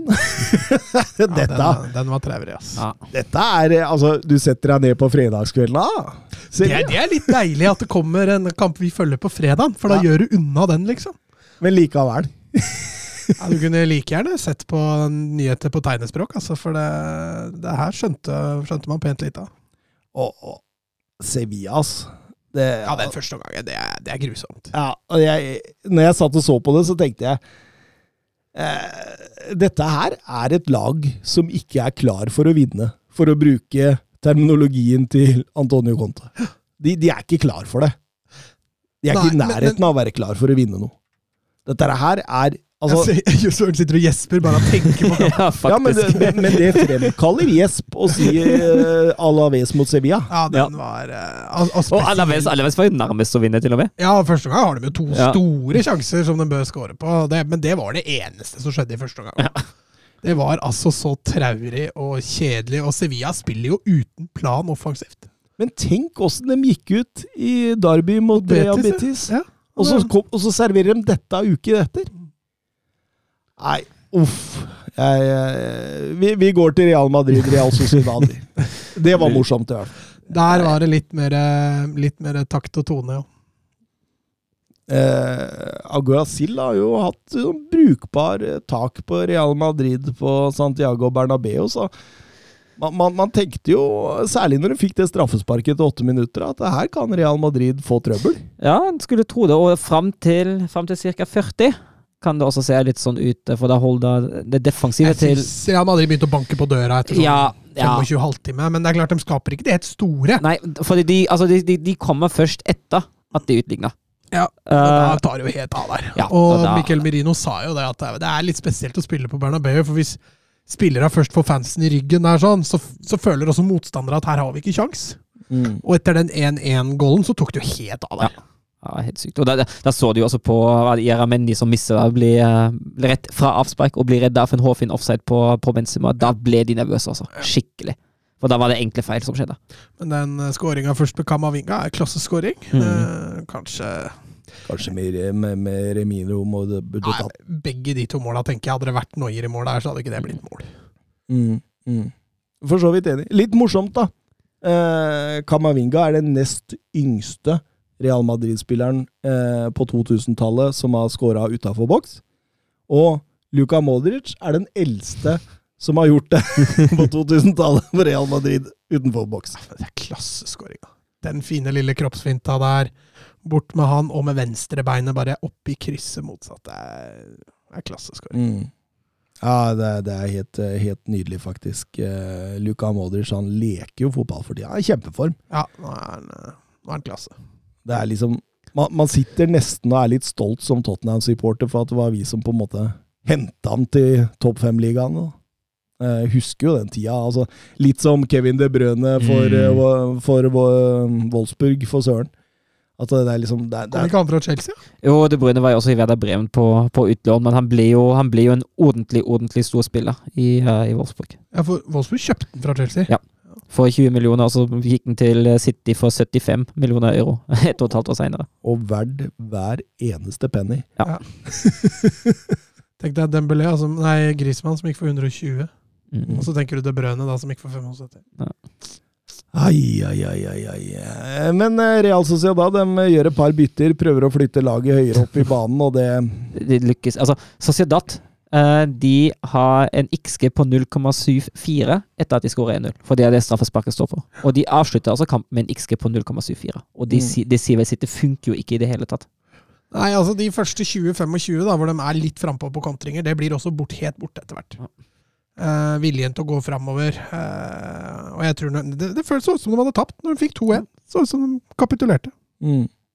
Ja, så sies at Real Madrid var, var også bra. Venitius leker seg til straffespark der. Som Benzema enkelt uh, får satt i mål, og da på 3-1 så er jo kampen avgjort. Men uh, fikk ennå en skåring, gitt. Benzema 20 La Liga-skåringer. 20 i fire sesonger på rad. Hadde det ikke vært for Ronaldo, hadde det sikkert vært flere også. Eh, sjuende spilleren i La Liga som greier fire strake sesonger med 20 pluss. Sjuende spilleren. Det er bare seks før i La Ligas historie som har klart det.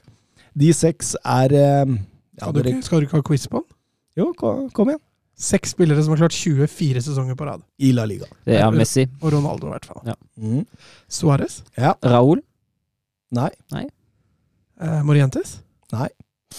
Og Må på Eh, litt Benzema! Nei, det, ja, det, han var den sjuende. Ja. Ja, sånn. Ja, Gi oss noe hint. David Villa? Nei. gi oss hint. Er, det- er det sånn at det er nyere tid, eller er det bare gamlinger igjen nå? Eh, Det er gamlinger. Di Stefano? Ja, ja, der er du inne på en av dem. Og han derre Talmo Sara? Nei. Mundo og Hugo Sanchez. Sanchez, ja. Hugo Sanchez burde du tatt. Mm. Mundo er, er godt før min tid, for å si det sånn. Du husker ikke han? Ascencio setter eh, 4-1, og eh, Ancelotti har til og med muligheter for å hvile litt spillere inn mot eh, Paris Saint-Germain-kampen der. Var nok en litt god bekreftelse for dem òg, det der. Inn mot den kampen.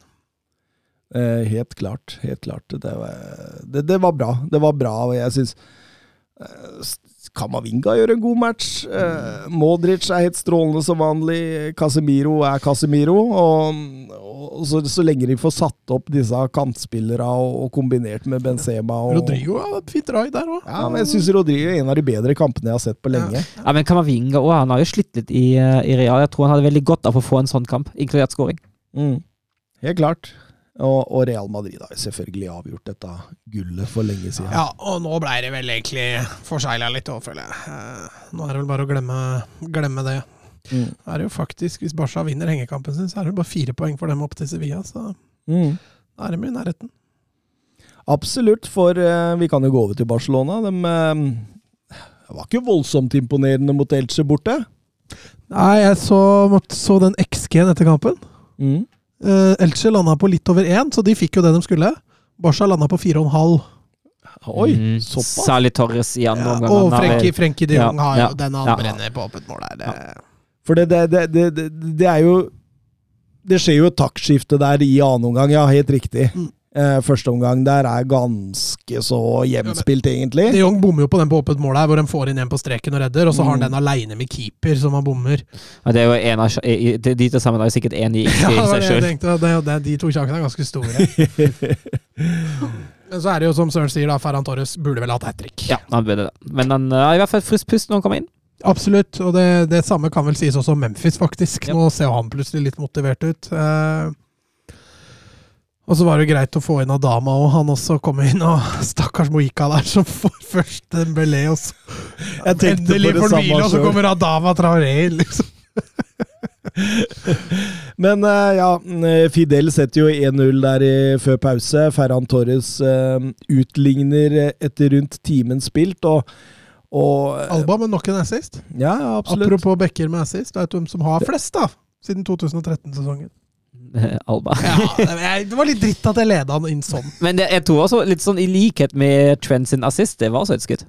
Det så veldig ut som et Ja, det kan godt hende. Men jeg bare tenkte på Fordi han har nå Trent har vel 44 assist, Alba har 55.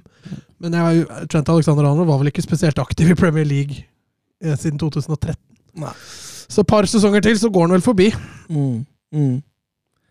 Men eh, det jeg skulle fram til, da, var at det så jo lenge ut til at dette skulle ende 1-1 etter da Ferran Torres hadde brent en haug av sjanser der. Men så får de jo et straffespark, og, og Jørgen B. Ready Nystuen eh, spør eh, billig straffespark til Barcelona, eller? Ja, Jeg skal Altså, det, det som gjør den situasjonen, det er at han, han har en bevegelse i armen når ballen treffer den. Ja, Men er ikke det etter han treffer den? Altså, Fordi jeg syns han treffer ballen, Ja. og så blir det en reaksjon av at uh, ballen treffer hånda hans. Altså, men det er det som i så fall lurer dommeren, da. Ja, men altså det er, det, er, det er jo tre ting her, ikke sant? For det første så treffer han jo andre kroppsdeler før den går i arm. Det er nummer én. Nummer to, ballen treffer jo armen når han er helt inntil kroppen. Og så nummer tre er at utslaget til denne eh, vinga, eller hva vi, skal, hva vi skal kalle det, eh, kommer jo etter han har truffet armen. Altså, det er jo ren refleks, som også kan være forårsaka av at uh, Depay drar den i den armen. Så altså, summen av alt dette her da, bør jo peke på ikke straffespark. Ja, jeg er enig med deg, Thomas. Jeg syns den den er billig. Jeg, jeg hadde ikke blåst straffe der sjøl. Og så kom den på Alba rett etterpå der. Mm. Den er jo enda mer synlig, sånn egentlig. Ja, men der holder den inntil, så jeg syns den er grei. Altså, Elcher roper jo på flere straffespark, og det koker jo fullstendig på slutten der, for da føler jo Elcher seg fullstendig snytt. Og de roper jo på én hens og to hens, og så på overtid kommer Adama Traoré igjennom, og det er i hvert fall straffespark, ser det ut som, men da blåser bare dommeren av kampen! Han gidder ikke mer! Ja, den var ganske Så summen her er at Barca får en straffe, og det var riktig i hvert fall. Jeg gadd ikke mer! Så du det. Adama Traore sitter inne i boksen, og hva er det som skjer? Mohika karnefladdet!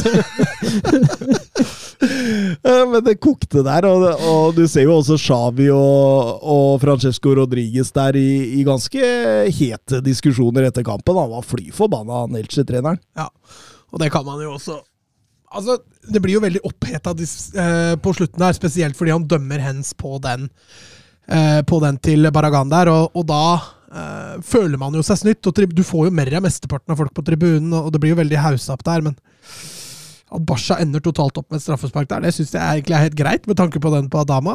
Eh, og så syns jeg ikke De slipper, slipper ikke noe spesielt billig unna på de andre, føler jeg heller. Så. Nei da, nei da. De to andre syns jeg ikke er Det er liksom den opphausa stemningen som gjør det mye verre. da.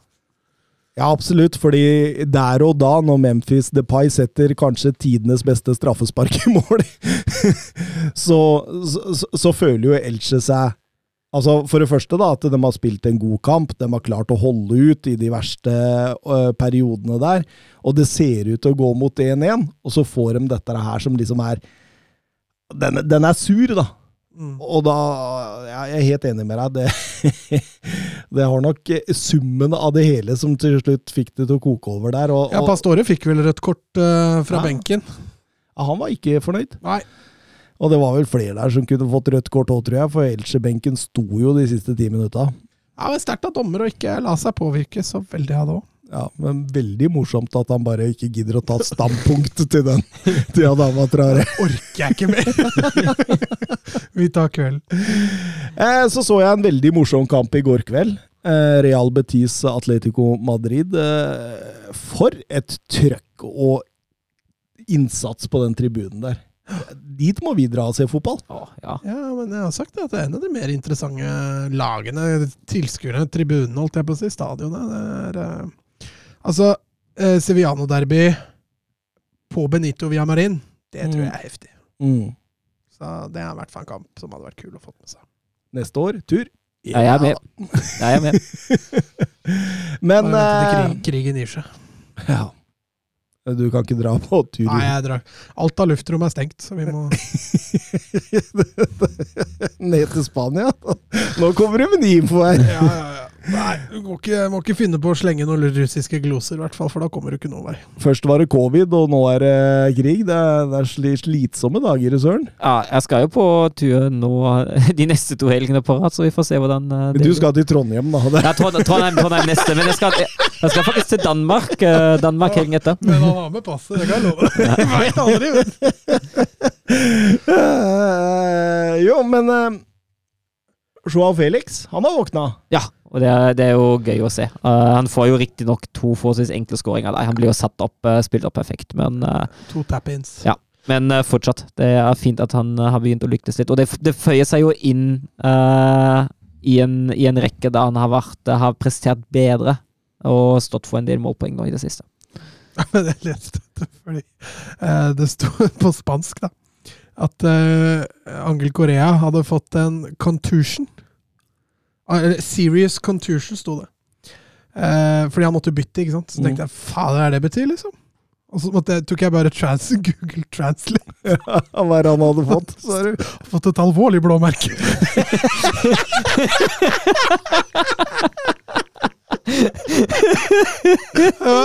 En herlig translation.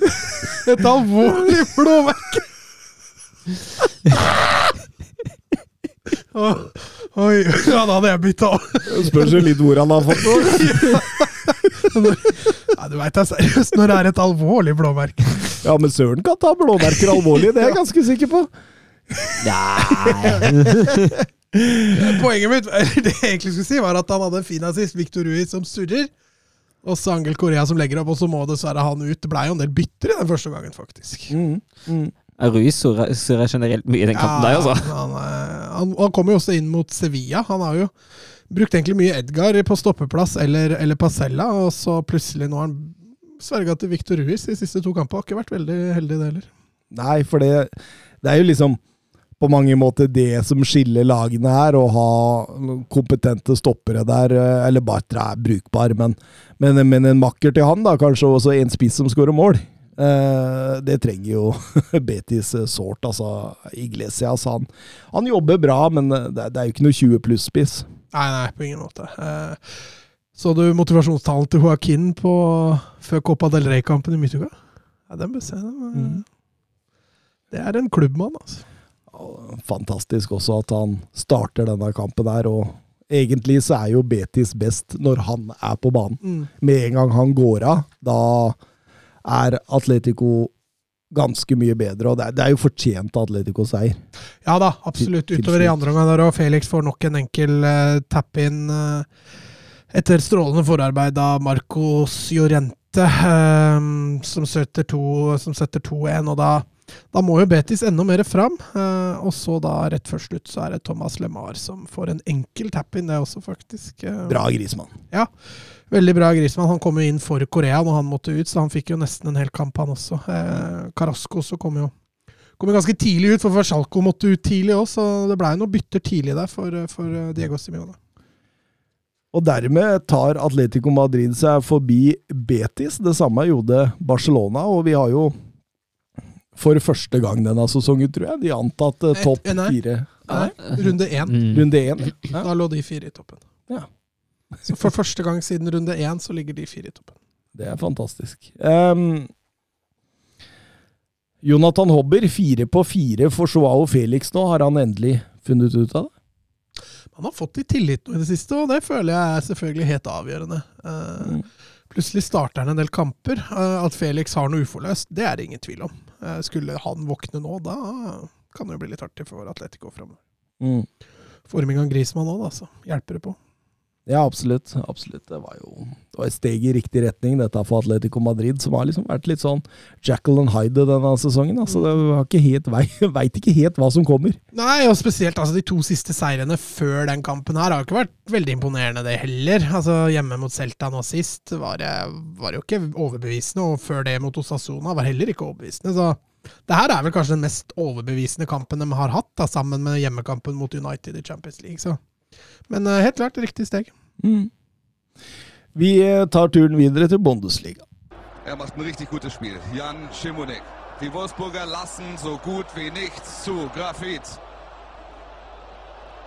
Grafit gegen Lell. Jetzt wird's eine Demütigung. Guckt euch das an. Bist du verrückt? Bist du verrückt? Tor des Jahres. Die Bayern.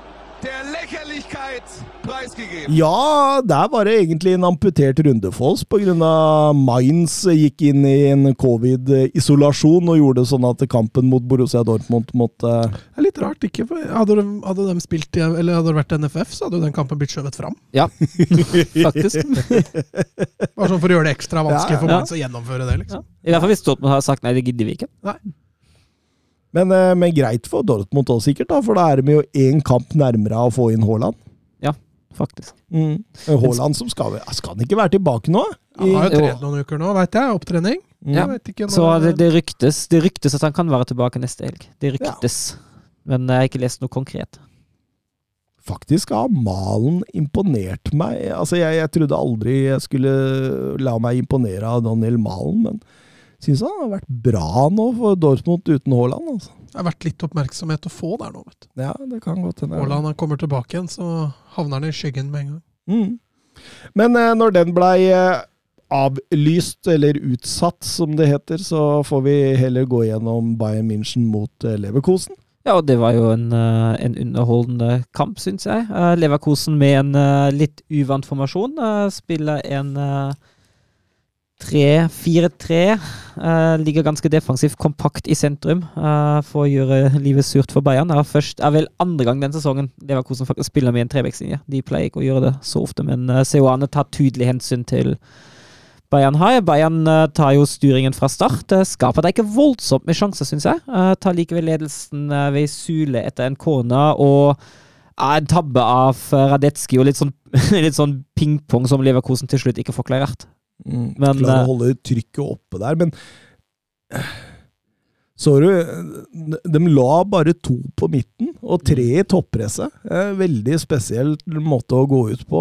Det er fra Seoane. Veldig spennende måte å gå ut på, for da har du jo disse kontringspunktene høyt i banen. Ja, og det er jo det Wirtz, uh, Adli og, og Diaby. Og det, det er jo spillere det bor mye fart, eh, teknikk og kontring i. Mm. Men, men, men det er jo rett å si at Leverkosen henger litt i tauene fram til 1-1. Ja, det er jeg helt enig i. Bayern altså Bayern skaper ikke voldsomt med store sjanser, men Bayern er det klart beste laget. Leverkosen kommer seg ikke inn i overgangsfasen i det hele tatt. Bayern gjenvinner det meste, er gode i kontringssikringa. Akkurat den biten av en fotballkamp med Bayern har vi sett så jævlig mange ganger før. Eh, men Bayern, jeg vil jo si at Bayern har god kontroll på kampen før Mulla driter seg fullstendig ut.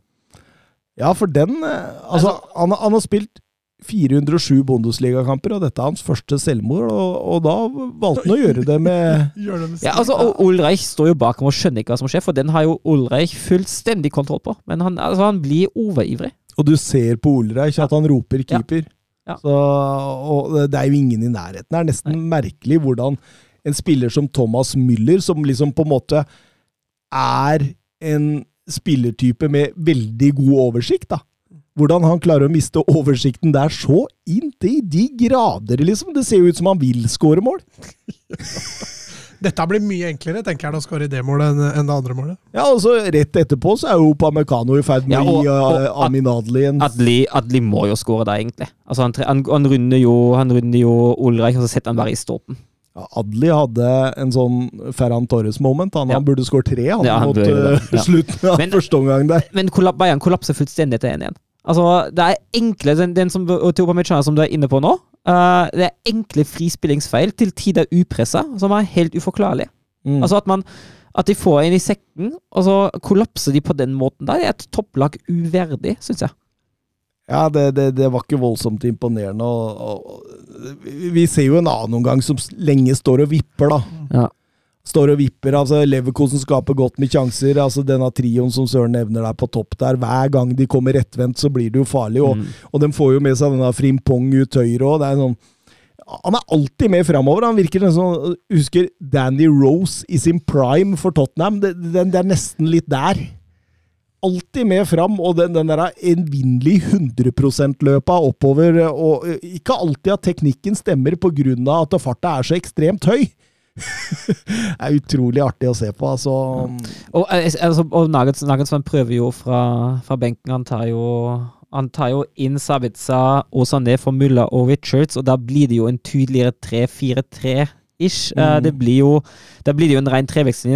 Eh, Richards i denne Davis-rollen, det har jo ikke fungert sånn, sånn voldsomt bra, og det blir jo litt bedre offensivt trøkk Mm. når de får inn, får inn den formasjonsendringa, men siste tredjedel, altså det går trått hos Bayern, altså. Jeg tror like mye det hadde med at uh, Seoane tok ut Amin Adli som, som Det- kontringspunkt, fordi du ser det skjer et eller annet med Leverkosen akkurat der, at uh, de løpa han tok, da, der se, så dem til.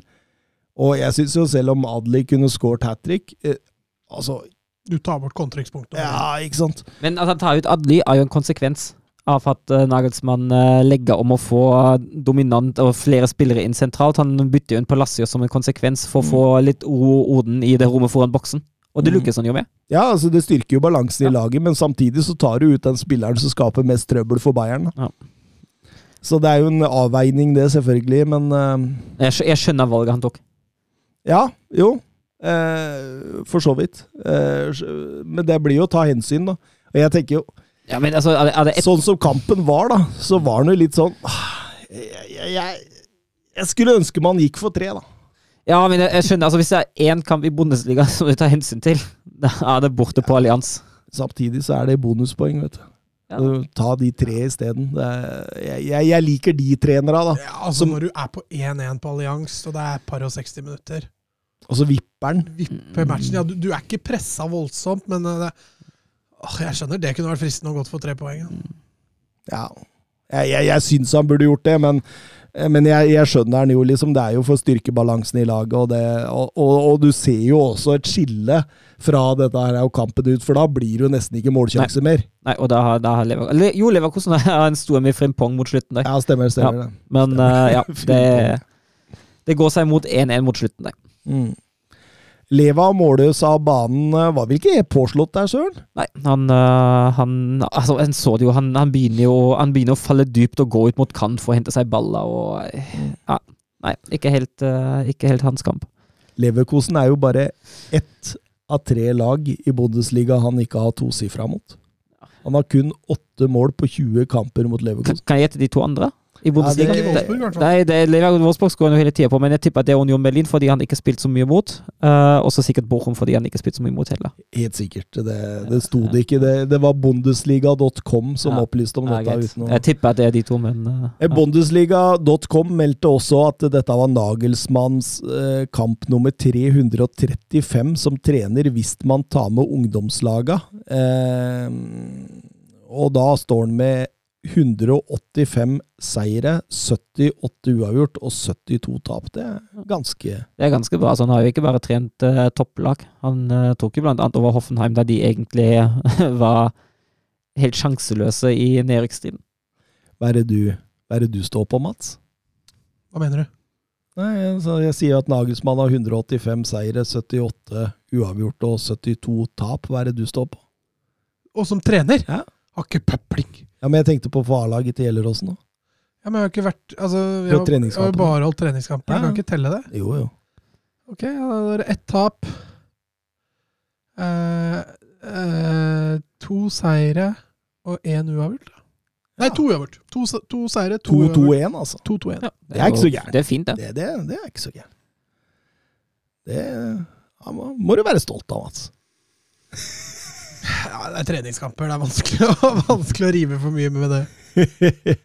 eh, Leipzig mot eh, Freiburg, Søren. Uh, Jesp. Uh, Jesp. ja. det er jo egentlig en det er jo egentlig en kopi av den kampen vi snakket om forrige uke, Leipzig mot Borum. For Freiburg har akkurat samme inngang. eh, Mm. legger seg dypt i en 5-3-2 og stenger akkurat de rommene uh, som Leipzig liker å kombinere seg gjennom Mm. sentralt. Uh, det er akkurat samme greie. Det er aggressivt med andre forsvarere, akkurat som Borum gjorde. Det er iherdig jobbing, iherdig skyving og stenge rom og gjøre livet ekstremt surt for Leipzig. Mm. Akkurat det samme tenkte jeg når jeg så det, at dette er å se Bochum om igjen. Ja, og den X-G-en til pause, den sier jo sitt, det er jo 0,25 mot 0,38. Eh, altså, det målet som Freiburg får, det, det er jo ganske tilfeldig, det òg. Mm. Braun spretter jo i Haidara, som legger han som en perfekt assist til Dimirovic. Ja, men denne Slåtterbekk som tar med seg ballen der en Ja, 30-40 Det, meter det er på- sterkt. Eh, Den Altså- har slått i. Ja, ja. Har ikke han slått gjennom litt i år, da? Jo, han har det slått gjennom. men han, det jo, han, har vært en av, han, har vært, han, har vært en av, de aller beste stopperne i Bundesliga i Ja, år, det har vært faktisk. helt fantastisk. Han har vært helt enorm. Både han og Mavropanos i Stuttgart har Ja. jo vært strålende. Det Gamle Arsenal-stopperen. Mm. Så det er nye stoppere som er på vei opp. Jeg leste at eh, Mavropanos eh, eh, muligens går til eh, Dortmund. Ja. Så det er spennende greier. De trenger jo seks stoppere, da. en trenger noen flere. Nå har de fått sylet, da, men de burde ha hatt et par til. ja, definitivt. Det er vel bare Akanji der som holder mål nå. Ja, og, Men Zagadou, hvis han altså, jeg tror kontrakten til Sagado går ut. Men det er, altså, Han er jo skada hele tida, det er som er problemet. Men hadde de Mm. fått i gang han sånn, fått ut potensialet hans, så Mm. Men Freiburg blir jo dypere og dypere utover i andre. Ja, og ta imot og ta imot. Og det er ingen, ingen målsjanser til Freiburg i, eh, i hele andre omgang. Og Leipzig bytter jo inn uh, litt offensive kanoner og litt uh, kreativitet. da. uh, og han som utmerker seg mest, er jo kanskje Dani Olmo, som etter hvert får litt fart på det og står for litt farlighet og initierer litt. Men det er ikke han som, som redder skuta for Leipzig i den kampen her. Det er Angelinho. Han utligner etter assist av uh, Schoboslei. Eh, jeg vil jo si at jeg fortjente at Leipzig får med seg ett poeng til slutt. Eh, var, nok, eh, var nok og lå der og stanga litt mot slutten. 14-4 i avslutninger på mål. Ja. 67 tar mat av ballen, så det, det, Ja. det, det er klart, det. Ja, men det, er, det har vært en ganske, ganske seig fotballkamp til deg. Mm. Det skal sies. Det var ikke høy underholdningsverdi på den der. Nei, det var litt sånn Bundesligas svar på Sevilla Alaves, det der. Ja, Bare at i Bundesliga blir det to- mål likevel. Ja da, og det var allikevel litt mer effektivt Ja. enn Ja, men det var, det var ganske likt å se på. Jeg er helt enig. Eh, Wolfsburg Union Berlin, Søren, den, eh, den får du ta oss igjennom. Ja, Eh, Kofeld han, eh, han tar hensyn til at Lacroix er ute, han òg. bruker ikke en trevekstlinje, noe som jeg var veldig takknemlig for, for da hadde det hadde betydd eh, Kevin Mbabo inn som stoppa, og det hadde ikke fungert. Han uh, starta med en 4-4-2 med diamantformasjon på midten. Eh, litt spennende å se Baku flytte inn eh, som indreløper uh, ved siden av slaga, og Arnold som holdende og Krose bak spissene. Veldig synd at Baku ikke er i form, for jeg tror hvis Baku hadde vært litt i form, hadde det vært en, eh, en rolle som hadde kledd ham ganske godt. Eh, ja, Bialek får starte. ja, veldig fint det òg. han var jo positiv, syns jeg. Han har jo noen, eh, noen avslutninger. Eh, Han er egentlig positiv til K-felt nå. nei, det har jeg ikke. Han bare helt opp. Men jeg er positiv til Bielek. Jeg syns det er fint at han, eh, at han får Ja, så er det sjansen. positivt at Baku får prøve seg som indreløper. Ja, det fungerte Ja, og ikke. spennende diamant på midten. Ja, nei, det er mye Og han bruk, brukte ikke Babo. Det er, er det, nå er det mye plusser til K-felt. En, en eh, ødelagt klokke går altså to ganger, to ganger riktig. En ødelagt klokke går to ganger riktig. Ja, om dagen i hvert fall. Nei, Ja. ser. Um, Wolfsburg har i første omgang to gode faser. Den første av de første fem minuttene, blant annet Xavers Xavas Laga treffer stolpen. Uh, og den andre av de fem minuttene før Wolfsburg skåra. Uh, et sjølmål av Avonii heter Arnolds kone mot første stolpe, og Avonii og Lote blir ikke helt enige om hvem som skal ta ballen, og da tenkte Avonii han like så godt kunne hete den i eget mål. Litt morsomt at det kommer to dager etter at eh, det ble kjent at Wolfsburg jakta Avonii i vinter og ville, ville signere den, så han endte opp med å skåre for Wolfsburg likevel, så han ble i Union. Eh, Union skaper egentlig ganske lite. Eh, den høyresida til Wolfsburg er, er utsatt eh, før pause. Uh, særlig med Bako og Mbabo. Jeg syns ikke den da funka særlig godt, og det er der uh, Union angriper mest. Men innad i boksen har Wolfsburg god kontroll. Eh, jeg syns særlig Bono utmerker seg som stopper. Hans beste kamp for Wolfsburg så langt, syns jeg. Eh, og da blir det få sjanser før pausen. Eh, etter pausen en, en ser at Slaga begynner å bli mer og mer sliten sentralt. Mm. Og når han da må ut, så forsvinner litt, litt kontrollen. Eh, samtidig, Union blir mer og mer offensiv. så Union begynner å skape sjanser. Uh, Bono en, eh, nok en gang sterk Kohn Castells holder nullen for Wolfsburg. Ja, for dere var vel heldige utover der. Ja, det var det. Uh, overgangsmulighetene var der, men ballene, altså for Wolfsburg, men ballene, ballene slås langt og blindt i rom der ingen Wolfsburg-spiller står. Uh, fryktelig frustrerende matcher har da én-to gode muligheter, men de overgangsmulighetene ble ikke tatt, eh, og til slutt er det egentlig mest å takke for Unions uh, avslutningssvakheter. At det ikke blir, uh, blir utligning. Antoni en gammel lille Lillestrøm-kjenning, han, han hadde jo to store mot slutten her nå, men eh, de går utenfor, ellers så redder Castells, og så blir det en heldig, heldig, heldig, men akk så viktig 1-0-seier for Wolfsburg. Og dette er her, vet du, Mats. Det er det verste som skjer for oss supportere. Det er når vi, man egentlig vil ha bort eh, treneren, men så er det sånn, så kommer det sånne trepoengere på dårlige dager som bare holder den inne i det. Ja, nå er det jo ti poeng på fem kamper, men jeg syns jo Jeg syns ikke det har vært overbevisende i det hele tatt. Det har jo ikke det. Jeg synes jo, altså, begynner å få ganske brei stall nå, Wolfsburg. Ser den benken Ja, har ja. i mot Union Berlin. Det er mye, mye krutt der. Altså. Stall- Stallen er jo fin, men det er jo ikke noe plan. Det er ikke noe, ikke noe god idé bak det. Så Union taper tre strake borte uten å skåre mål nå for første gang i deres Bundesliga-karriere. ja, det har de ikke gjort før. De må har vært i Bundesliga i tre kvarter, da. jo da. Men eh, de er, de er inne i en dårlig periode. De har tatt tre poeng de siste, de siste fem kampene. Uh, det skal jo sies at uh, midtuka var det kvartfinale for dem i cupen mot uh, St. Pauli. Uh, og da kom de seg til semifinalen. Det er jo to kultklubber. Ja, det, det er en kamp som jeg hadde hatt, eh, hadde hatt lyst til å se hadde jeg vært, eh, hadde jeg vært i Tyskland. Det hadde vært sikkert en kjempekul kamp. San Pauli de er fra Hamburg, de. Ja, det stemmer det. Ja. Og de ligger jo, ligger jo og nikker nå, er vel på tredjeplass i andre Bundesliga. Så Schalke gikk på en stygg smell eh, Ja, tapte mot Hansa Rostock. ja, på fire minutter på ja, overtid. fyka, fyka trener etter det nå. Ja, det så jeg. Ja. Så Lode Nei, det, eller jeg så ikke at Schalke Det sto bare Lode og Vindheim for ny trener. Sto det. Ja. For kan Schalke mista det, var ikke Schalke, det var Vindheim og Lode som fornyet det. Nislu på, nislu på. Eh, Nå, nå er det vel eh, åtte poeng ned til eh, kvalikplassen, og jeg sitter jo og håper at uh, Taifun Korkut at han får fortsette i Hertha for det han presterer. Altså, Jeg har sagt det før at han er den ene treneren i Bundesliga som mener er klart svakere enn Florian Kårfeldt. Og, og, og nå passer det jo egentlig, for nå har vi snakka Union Berlin, Hertha Berlin. Uh, Jørn Henland. Er Union Berlin den egentlige Big City-klubben i Berlin nå? Ja, altså Det er jo det laget som er klart best sportslig i Berlin. Det er den klubben som drives best. Eh, det er jo nok, eh, nok sånn at Union Berlin aldri hadde funnet på å markedsføre seg sjøl som, eh, som Big City-klubb. Men hvis man ser på sportslige resultater, er det klart at Men, men, men samtidig så er det som Mats sier, da, de har jo vært i Bundesliga i kvarter. Ja. Altså, Men Hertha, Hertha er jeg stygt redd. Altså, hvis ikke det skjer noe radikalt der, de går ned, altså. Hvis Mm. ikke, altså Korkut må ikke lov å fortsette. Altså, hvis Korkut fortsetter som uh, Hvis han får flere kamper nå, det går ned. Men de har vel ligget og banka litt på den nedrykksdøra flere Ja. år på nå. Så, De har, de har vel ligget og banka på den. så nå får de vel snart lov å gå inn der, tenker Ja, jeg. de har vel ligget og banka på den sånn nesten i ett, siden godeste Lars Vintås han Vestland kom inn og annonserte Hertha som Big City-klubb.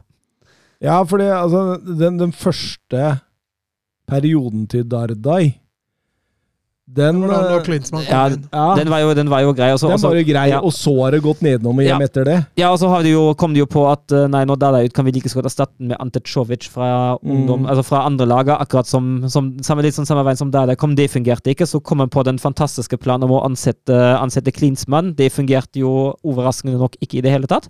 Da setter vi den i styret isteden. så, de, så fortsetter de med hans assistent, eh, Nori, som ikke på noen måte er en trener som bør trene et profflag i Tyskland. Eh, så kommer Labadia og Dardai. Da.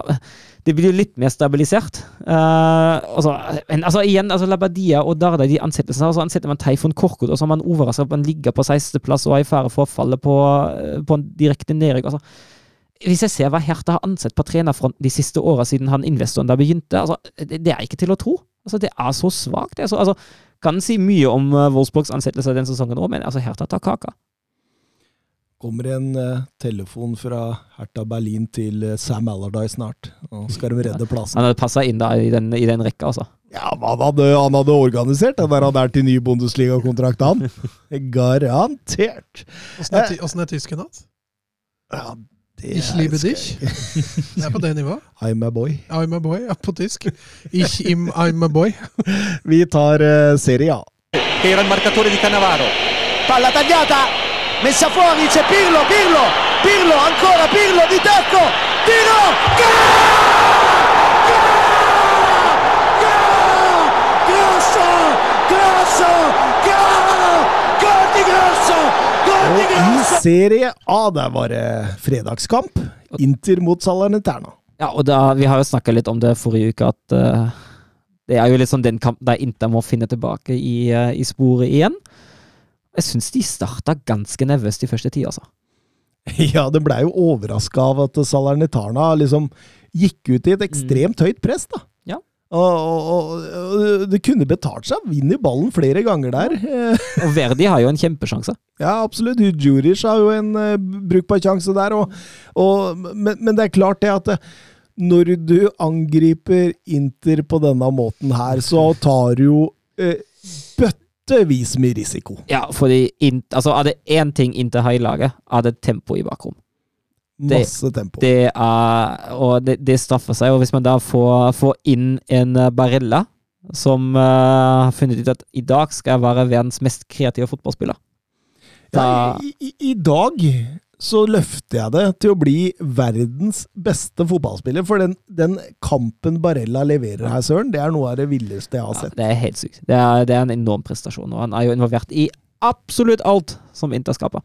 Ja, og, og egentlig også i, eh, i presspill, og han er jo overalt. Og han drar ut spillere. Han utnytter disse korridorene mellom stopper og bekk hele tida.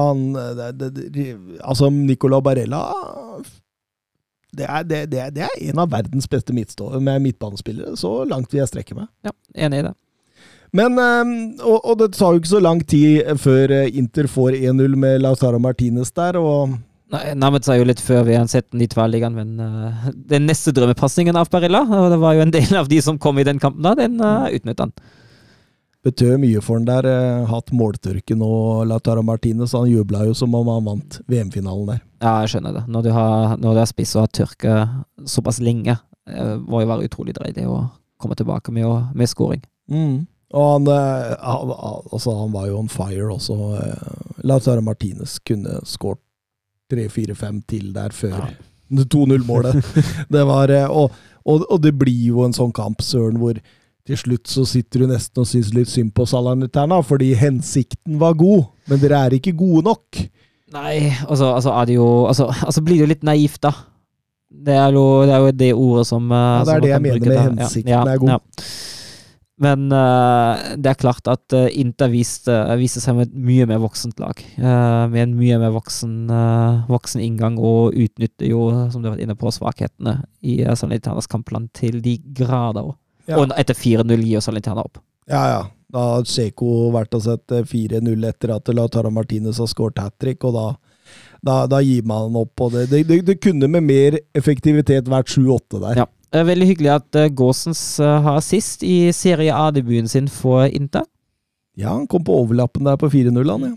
Mm, det stemmer, det. Da, da, hadde de Gåsens og Dumfries ah, utvendig der òg. Der, der, var det mye, mye trøkk ah. på, på vingbekken òg. For denne Dumfries også. Fy fanken så god han har blitt, altså. Enormt, altså. Edin Seko gjør 5-0, og det var jo den perfekte oppladninga for eh, Liverpool-kampen i Champions League eh, i midtuka her. Jeg vil i hvert fall ikke mindre selvtillit av den der. Nei, det gjør ikke det. Eh, og, og, og det er jo strålende. ikke sant? Du får hvilt viktige spillere mot slutten. Martinez og Barella enorme. Seko får to kasser. Dumfries på høyre og, og Darmian etter hvert Gåsens gode på vingbekkene. Og, og, hvis du ser bort fra starten på denne kampen, da, så, så har de jo god kontroll ja. hele veien. Ja. Og det, jeg tror altså det er litt viktig. altså jeg snakker litt om det at det har vært noen kamper der det har, har gått litt trått. Uh, men det har også vært noen kamper der ballen rett og slett ikke ville inn i mål. Der man egentlig hadde nok sjanse til å karre med seg både ett og tre poeng. Uh, og få en sånn kamp, da. Uh, der han virkelig får, får, skyte litt fra seg og skåre fem. Det tror jeg hjelper også på veien videre. Selv om det bare i anførselstegn var mot Salernitana. Inter slo jo Salernitana 5-0 i det motsatte oppgjøret også, derfor er det det første laget som slår samme motstander med ti mål eller mer uten å slippe mål, siden Fiorentina gjorde det mot Torino i 1958-59-sesongen. Ja, det er en stund siden. da var eh, Da var faktisk eh, pappa liten mann. Liten gutt, heter det. Ikke liten mann. Liten gutt. Um, Juventus Spezia. Ja, det var ikke fullt så mye fullt så mye fyr. Uh, Juventus trenger Altså, Juventus trenger litt tid til å faktisk bli farlige, uh, vil jeg si. Jeg tar, tar vel, uh, har vel en sånn lite skudd ved Morata i starten, men tar vel et kvarter ish før det virkelig begynner å bli, å bli farlig. Og de er jo, de er jo trygge og har, og grei kontroll i hele første omgang, men det skapes ikke voldsomt med sjanser. Nei, altså eh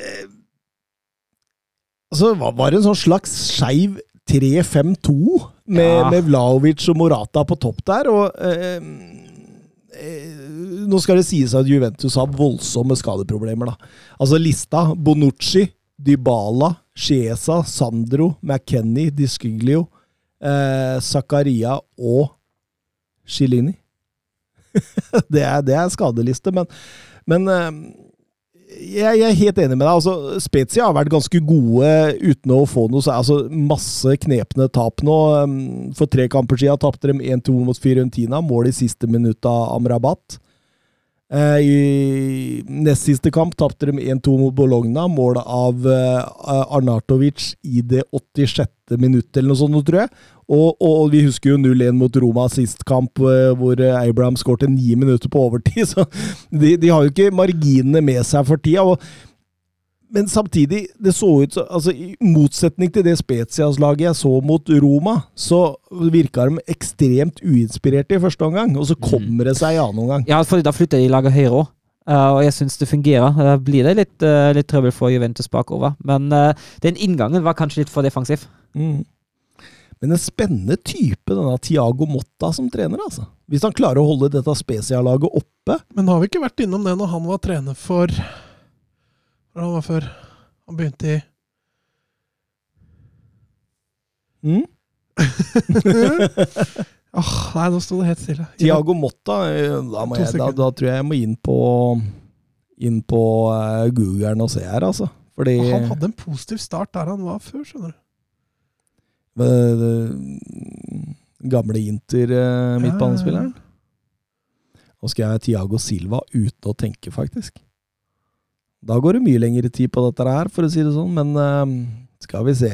Nei, vi må ikke gå gjennom det. altså. Genoa, ja. Genoa, ja, Genoa! Det var Mm. det jeg hadde lyst til å si. skjønner. Mm. Er Genoa forresten nå som altså, Det er ganske artig å følge med på, det der er hvor mange 0-0 og 1-1 han klarer å få han Alexander Blessin som Før, det blir, før han bryter det. ja. Hvis han bryter det, så kan jeg love deg det er med en 2-2. Eh, Men eh, ja um, Det er jo ikke en prestasjon Juventus leverer her som bør gi tre poeng i Serie A. Sånn egentlig. Nei, i utgangspunktet ikke. Det, det var veldig flatt batteri for Juventus. Der, og de, har, de blir nok redda litt av at de møter, møter et litt dårligere lag, uh, og et lag som velger en veldig defensiv inngang, som kanskje kommer med litt for mye respekt i første omgang. Mm. Uh, jeg tror hvis Spezia hadde jeg hadde kanskje tatt en Salernitana og stått litt høyere fra starten av og, og prøvd å matche. Ja, altså- blitt Uh...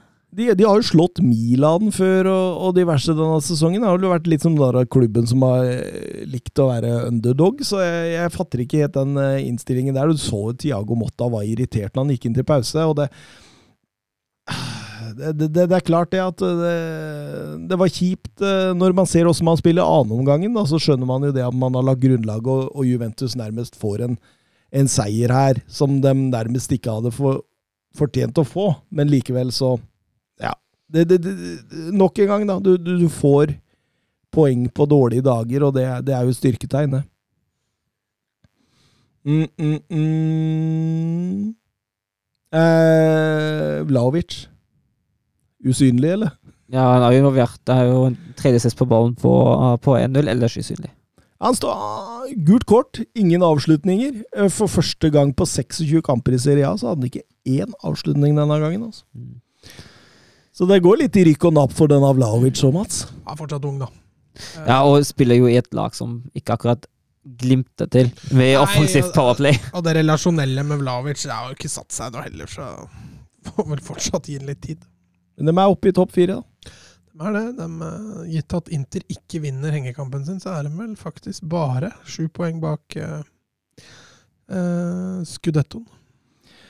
Eh, Det var en annen kamp også i går som var eh, Altså, dette var eh, toppkamp nummer én. Altså, det var eh, lagene som lå A-poeng med hverandre i toppen av tabellen før denne runden. Eh, Napoli og Milan. Skal vi hoppe over første omgang? Vi kan håpe vi kan e, Altså, det, det er litt tilbake til Sevilla her. Det, det var utrolig kjedelig. Mm. Hva var det du sendte? Du sendte, du sendte et fint bilde i går, Thomas. Fortsett. Ja, stemmer det. Det var eh, Jeg var bare inne på Fotmob der og så så hvordan det gikk med kampen. og da hadde, Jeg så vel de første 20 minuttene, og så så jeg noe annet, fordi det, det, var- det starta ganske traurig. Og så sto det vel det at eh, Jo, dommeren blåser av kampen til stor lettelse for også de på tribunen.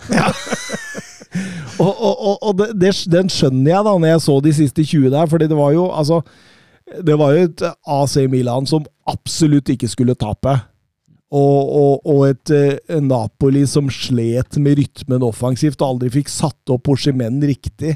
Jeg syns Tomori gjorde en strålende jobb mot uh, Oshimen der. Uh, og og, og du, du ser jo at Pioli har gjort hjemmeleksa si her. Med å, med å liksom, han har jo blitt en sånn big match manager nå, som bare liksom drar ut trepoengere av i storkampene der nå. Selvfølgelig skulle Oliver Giroud dykke opp i annen omgang der og bare sementere tre poeng. Altså, er sånn tullemål. Er Sånn fryktelig eh, Sånn fryktelig Beklager, drittmål. Som man, eh, som man scorer da. Hockeystyring, vil jeg kalle det. Ja. En hockeystyring. Skudd for styring. Ja, og det, det er nok, det. Altså, kampen åpner seg litt når Napoli vil opp, men det, er ikke så voldsomt mange sjanser, og Nei. Eh, jeg, jeg reagerte også på XG-en her. Altså, i første omgang så står det 0,05 til AC Milan. Altså, Det er et langskudd, det. ja, det, altså Det er fra midtbanen, faktisk. Det bør jo bare være for Theo Hernandez å være på banen for å få 0,05 i XG.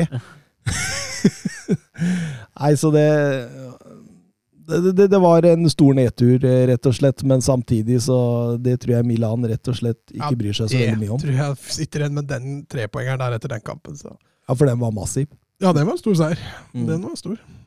To poeng foran Inter nå med En kamp mer. En kamp eh, mer, ja. Eh, tre poeng foran Napoli, og så følger eh, Juventus på der. Eh, Roma tok en eh, ekstremt viktig 1-0-seier mot Atalanta. Det var sterk seier òg. Det var strålende seier. Tammy Abraham er som nok en gang setter han inn. Nydelig tatt ned av Sanjolo på forhånd der, og spiller gjennom Abraham som setter ballen eh, til side for Mosso er vel på'n, tror jeg, men jeg syns Roma opptrer ryddig og, og, og, og solid her, rett og slett, og liksom klarer å grinde ut. og eh, Roma i bra, bra form nå, ubeseira på siste sju. Eh, nærmer seg Champions League. Og, dermed får vi noen spørsmål også fra Jørgen Nystuen. Eh, Mourinho lukter CL-plass. Er, eh, er Søren bekymret for veddemålet, står det? Nei, ikke i det hele tatt. Det, er vel, det, er vel ikke, det holder vel ikke med én C-plass heller, tror jeg. Det holder med én tittel, men det holder, vi trenger vel to, Det to C-plass. Jeg tror det. Jeg mener det. Eh, Det, kommer, det ser jeg ikke skjer. eh, Samt at det er jo fortsatt seks poeng opp til, eh, opp til Juventus. Så nei, jeg, er jeg er ikke helt bekymra ennå. Mister ikke nattesøvn over det der. Du gjør ikke det, nei? Nei. nei. Eh, Men altså, jeg men syns det det så kan veldig solid ut. Kan hende du mister litt cash da, når du må kjøpe øl til eh, Ja, det, det kanskje, kanskje ikke det er det som eh, det som Men, eh, kan, det, men, men jeg syns jo, jeg, synes, jeg er jo enig, jeg syns jo det ser, det ser ganske greit ut nå i det siste. Så mye kan man jo innrømme. ble to røde kort på overtid der òg. Først Martin Deron og så Henrik Mkhitaryan. Begge med, med to gule hver der. Eh, Benjamin Norway, hva synes dere om duoen Abraham og Sanjolo? Altså, det er jo to unge, fryktelig spennende fotballspillere, så hvis de to klikker eh, Hvis de to kan klikke, så, så blir det gøy. Sanjolo har vi jo snakka om før, er jo en fryktelig deilig fotballspiller. Eh, og hvis Abraham i tillegg skulle bli en sånn 25 mål pluss-spiss da, med, med Sanjolo rundt seg, så blir det en strøl, strålende duo. Helt klart. Helt klart. Eh, Abraham har vel 13 nå, tror jeg. Men det som er med Abraham, det er at det er veldig mange av skåringene hans som blir matchvinnerskåringer. Men det er fordi Roma stort sett skårer bare ett og to mål. Da. Så når du først skårer da, så taper du enten, eller så vinner du med ett. Og da er det gjerne han som er matchvinner. Og så er det jo fint å se Sanjolo tilbake etter disse kneskadene. Da. Nå syns jeg han spiller Be- Han strålende blir fotball. bedre og bedre. Mm. Nå, eh, nå er det Sanjolo vi kjenner igjen, og det er fantastisk å se på. Men ok, siste om Seriano. eh, Hva blir topp fire? Tror den blir sånn som den er. Nei, jeg tror Juventus sniker, sniker seg forbi Napoli. Ja, ja, men, ja, men jeg tenker bare de fire som er der nå, Ja, blir ja det, det tror jeg. Uh, rekkefølgen, den er fryktelig vanskelig å tippe, altså. Eh, jeg må jo nesten stå i det, da, si at Juventus tar det. det er Ja, jeg har sagt det hele veien. Ja, det, det, det, vi, vi, vi var vel med på det, så eh, Ja, men dere har jo Ja, dere chickened out. Vi har vingla for lenge siden. Eh, altså Inter nummer to, Milan nummer tre, Napoli nummer fire. Ja, Inter, Milan, Juventus, Napoli. Jeg tror det blir Inter, ja. Jeg gjør det. Jeg gjør det. Vi går over til eh, Ligue 1. sur la frappe de Messi de, De de Mercado, Mercado, oui. Mercado, et, et là aussi on a un petit peu de réussite. Griezmann sur l'appui, c'était bien joué avec Giroud. Oh, Zidane. Oh, Sylvain, il l'a vu Oui. Kylian Mbappé Kylian Ça fait 4 et ça fait peut-être un quart de finale pour l'équipe de France 68e minute Oh, la joie collective parce qu'ils ont tous jailli du banc pour aller saluer cette passe décisive géniale de Giroud et ce doublé pour Kylian Mbappé. Ja, Galtier og Nis tok eh, Maurizio Pochettino og Paris og Ja, det var en bra kamp av Alex. ass. Eh, Og en grusom kamp av PSG. Altså, en Mbappe som ikke var med der, det ja, Det var skremmende synlig, altså. ja, For det er ingen som går i bakrom, nesten. altså Di. Di Maria var vel i bakrom én gang der, når han kom aleine der og bommer, men uh, Det er den ene sjansen PSG har i ja, det er omtrent det eneste PSG produserer, altså. Det, det her var ikke bra, altså. Nei, men man forventa jo heller ingen målfest. Lagene har jo møtt hverandre allerede to ganger denne sesongen, både i cup og i ligaen, og begge har endt 0-0. Så, og, og NIS er jo ekstremt godt organisert under Galtier, da, og, og det er vel det laget også i Ligue Ø, tror jeg, som slipper inn færrest mål, faktisk. Færre enn PSG. Så det, det, det er jo klart det, og når man da kommer mot det best organiserte laget, uten sin talisman, uten han som alltid truer det bakrommet der, og så får Jeg, jeg syns egentlig NIS fikk en lett kamp. Altså, de, de fikk stå og forsvare seg. Og, og, og Messi er usynlig.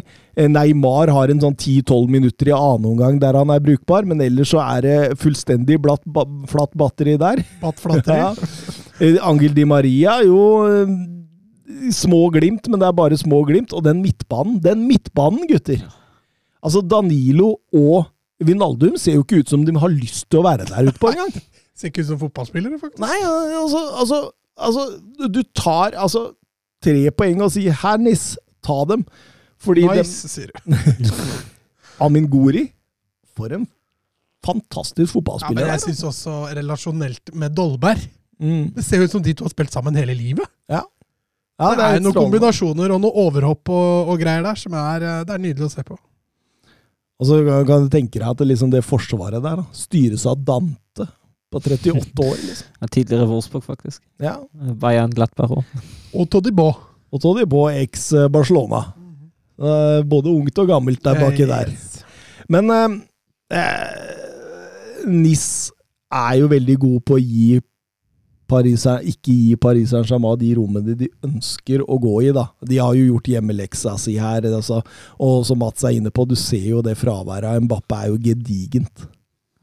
Ja, de mister jo eh, Altså, når PSG har slitt i år, da, spesielt enten med å skape eller med å score, så er det jo Mbappé de har snudd seg mot. Nå var det plutselig ingen Mbappé der til å snu seg mot, og, og Messi har jo bare vært en skygge av seg sjøl. Eh, men dette er den dårligste PSG-kampen jeg har sett i år. Ja, det, det, det var voldsomt. Det var, det var fryktelig dårlig. Mm. Altså, med tanke på forventninger og hvilke spillere de har på banen, så så det er langt under pari. Altså. Og derfor var det jo fortjent da, at eh, NIS kontrer inn 0-1 rett før slutt. Eller 1-0 blir det jo, siden de var på hjemmebane. Ja, det er fullt fortjent. Det er, Nis, det er jo Nis som er det farligste laget, rett og Ja, slett. Delors som får den på bakerste der etter et langt innlegg, og bare mæler den opp i nærmeste kryss der, og, og Navas har jo ikke kjangs. Et rent uh, innbyttermål der. Eh, Calvin Stengs som eh, fosser oppover der etter å ha mottatt ballen fra Rosario, og, og smeller den inn der. og Vinaldo må jo følge løpet. Hva, hva er det han dekker på vei inn der? Nei, det, det, det, var, det var fælt å se på. Du så jo dem ble ganske frustrerte, Paris Saint-Germain-spillere på slutten der òg. De har bare seg sjøl å, å takke, for å si det sånn. Men spenning i ligaen, det ble det ikke for det.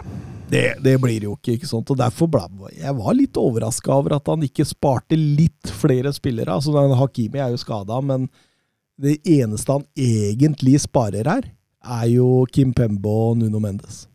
Ja, Mbappe er vel også ute. Men Ja, på fikk- suspensjon. Ja, Ja, men men han han- var også Han var rykta at han ikke ble klar til Real Madrid. Ja, fordi han fikk seg en trykk i dag på trening. Mm. Eh, Oi, oi, oi! Fikk en trykk av Gay, eh, og han er høyst tvilsom til eh, Real Madrid-kampen nå. Det kan jo bikke det i Real Madrid sin fordel. Det er et kjempeblow. Ja, det, da er PSG ute, tror jeg. Altså, det, altså, vi fikk jo et spørsmål om det her. Skal vi se, skal vi Vi kan jo egentlig ta det. Vebjørn Fredheim. Real Madrid imponerte, Paris Saint-Germain skuffet. Er kampen på onsdag mer åpen enn dere meldte for et par uker siden? Altså, Hvis Mbappe er klar og i form, så, så mener jeg at PSG er altså, hva, Velte vi at PSG var klare favoritter? Vi gjorde vel det pga. Casemiro og, og Mendy er ute, så kontradekninga deres blir veldig mye dårligere mot Mbappé, da. Oh, ja. ja, fordi jeg anser det jo fortsatt som en 60-40 hvis Mbappé spiller. Men jeg, Ja, 70-30 hvis Mbappé spiller, for min del. du er såpass, ja. Ja. Da vi møtes på midten, da, så får vi si 65. Ja, nå er altså uten Mbappé så er det 50-50. Ja, Og da har PSG fått inn at de har skåra det ene målet, da. Ja, og derfor er det 50-50. Ja, Hvem er det som sånn skal skåre det målet nå for PSG? Altså, hvis de må gå for 0-0, de. Har Lionel Messi, da. Mats. Ja, men han er Han har jo vært decent i Champions League, da. Ja da, han kan trå fram på sånne dager, han. Ja da, Og Neymar òg er vel begynner å nærme seg kampform, han òg. Så de har fortsatt spillere. De har det, altså. Men, men at det, hvis Mbappé ikke stiller i den kampen, så er det jo et enormt blow. Det, det er jo Altså, det er Altså gå fra 70 gå fra 70-30 til 50-50 bare Ja. på grunn Mbappe. Ja, ja. Ja, med tanke på kampbildet man forventer òg, da. Ja, kampbilde og spillertype. At, altså, etter å ha sett den NIS-kampen, altså, kan man rett og slett ikke forstå hvordan de skal kunne klare å kontre på Real Madrid uten Mbappe. Så Nei, det Det spørs på Mbappe. Det er eh, Vebjørn Fredheim. Eh, Kan også ta med at Monaco vant 0-1 mot eh, Marseille. Viktig for dem. Veldig, veldig viktig at de at Lille Clement fikk seg en seier der. og eh, det, det er jo sånn bak PSG òg, altså at eh, Laga der Avstandene er små, da. ja, Det er tett og jevnt. Ja, ikke til PSG. Nei, til men PSG, altså men bak PSG. Ja, Der er det tett og jevnt. Ehm, mm, mm, mm. Har du ikke kjøreplan foran deg nå? Nei, jeg sliter litt med kjøreplan. Nei. Men uh, egentlig så var det jo ikke så veldig mye mer annet av storkamper i, Ligue Ø. Altså Lille vant over Clermont. ja, 4-0, var det ikke det? Jo, Det var en grei skuring. Mm, mm. Men eh, ja, altså Sant Etier vant, så de er på enda mer på vei oppover der, så jeg. Ja, de vant 1-0 over Metz eller noe. Um, Så de De ligger jo fortsatt bare rett over Nerik, da, men uh, Mm. de lå jo ganske langt bak De gjorde det. en periode. Men nå er de jo er de på trygg plass. Skal vi kjøre europahjørnet, eller? Tor Håkon! Tor Håkon. Bra jobba, gutta! Bra ball! Nei! Ah, grei offside. Tor Håkon, den er grei. Tor Håkon! Nei, Tor Håkon, det var din egen skyld. Ikke bli sint for det, i hvert fall. da. Tor Håkon, ikke kjeft på dommeren, og ikke kjeft på dommeren. Tor Håkon, nå hører du på dommeren. Er Hver gang. Hver gang. Håkon!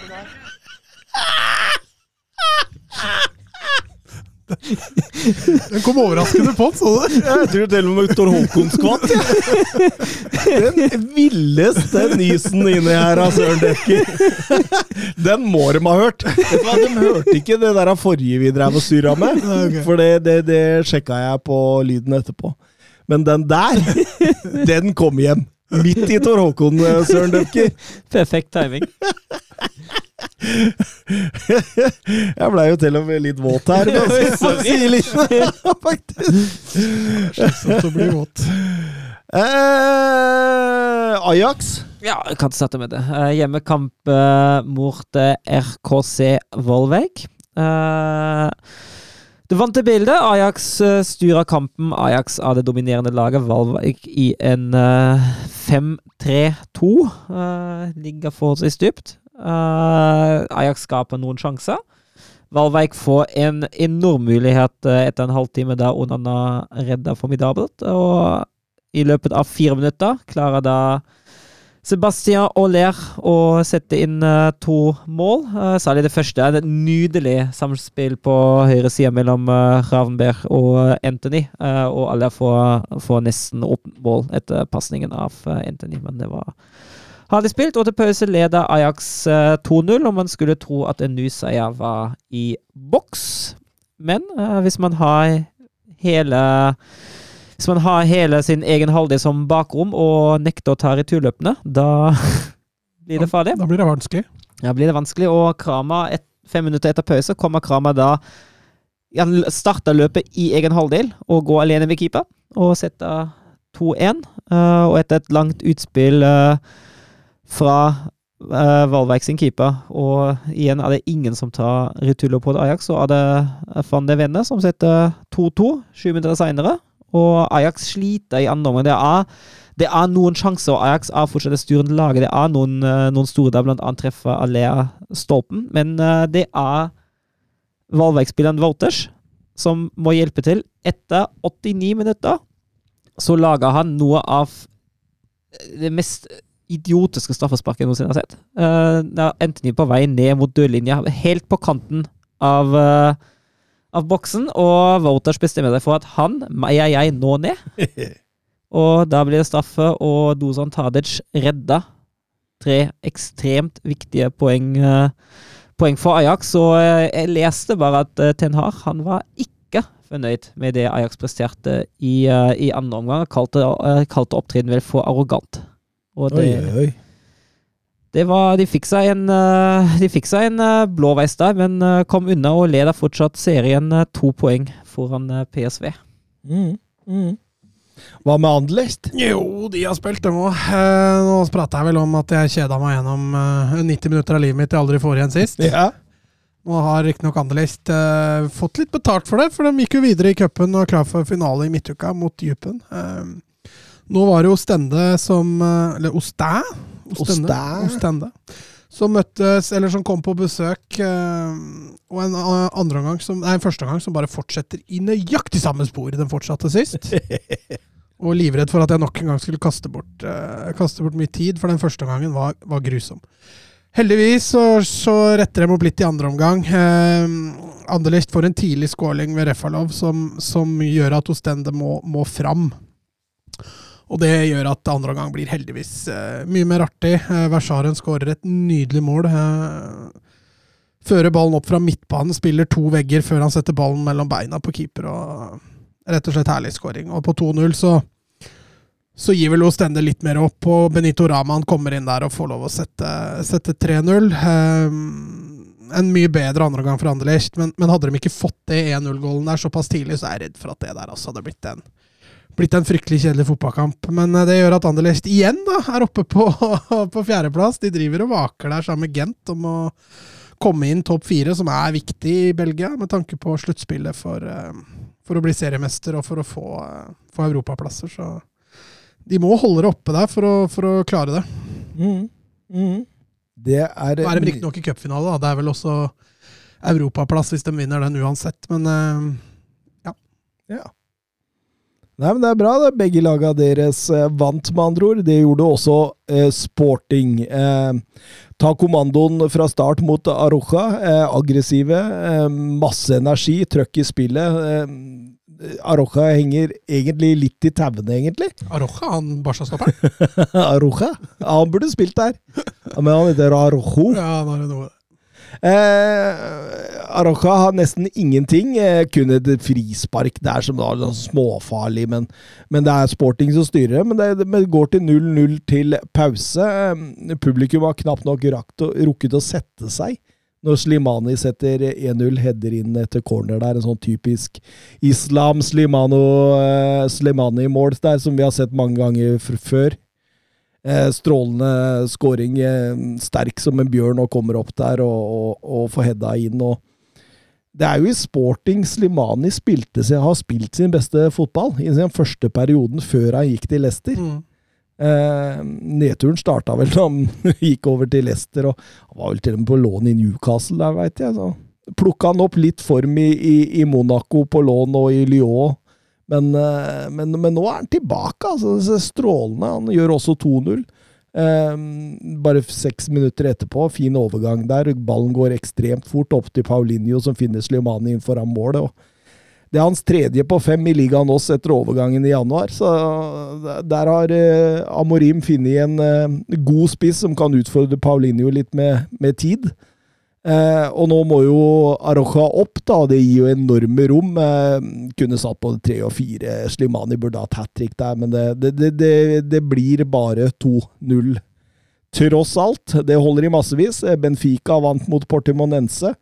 Eh, ganske fortjent i en kamp der de hvilte Darbo Nunes. Eh, og Paco Porto endte 2-4. Det Evan Nilsson og, og Taremi i show der. Eh, Til sammen hadde de vel, de to spissene, tre mål og tre assist hver seg imellom. Så det var voldsomt, og derfor er jo det uforandra siden alle vinner. Eh, Porto leder fortsatt med seks poeng på Sporting, som har fire igjen til Benfica. Avgjort, altså. Ja, jeg, jeg skal mye til altså, for at Porto Ja, du, du aldri si aldri. Altså, De er Porto ubeseira, er de ikke det? ja, Men Porto ser ikke like bra ut som de var under når de hadde, når de hadde Luis Diaz der. Eh, Det ser ut som de kan gå i noen blindspor og sånn. Så aldri si aldri, men at de er storfavoritter til å ta det nå, det er de. Så Benfica også er et lag som liksom kan Altså, den andreplassen til Sporting er ikke gitt. Men eh, Men det blir tredje- spennende. Tredjeplassen gir også Champions League-kvalik? Ja da, jo da. Så jeg tror alle de tre laga der De har jo i hvert fall god kontroll. Det er langt ned til fjerdeplassen der. Ja ja, da var det over da, gutta. Den herlige mandagen er over. Nesten litt synd at mandagen er over. Det, det er alltid litt trist når man liksom Nå er det en hel uke til neste gang vi sitter her. Hvis det ikke skjer noen sånne kjempestore greier, sånn at vi gjør at vi tar en sånn der Ekstraordinær. ekstraordinær. Det, det var nydelig. Uordinær. Uordinær, bare. Uordinær episode. Har ikke blitt så mange av det, men det er jo Det er jo livene våre, det, som er i hundre. Det er så vidt vi, det er så vidt vi får tid til dette innimellom. Og nå er vel Søren borte i to helger, Ja, det er jeg nok, det. så da får vi se hva vi gjør. Mm. Det får vi gjøre. Den er grei. Vi uh, høres i hvert fall. Vi snakes! Ha det. Ha det.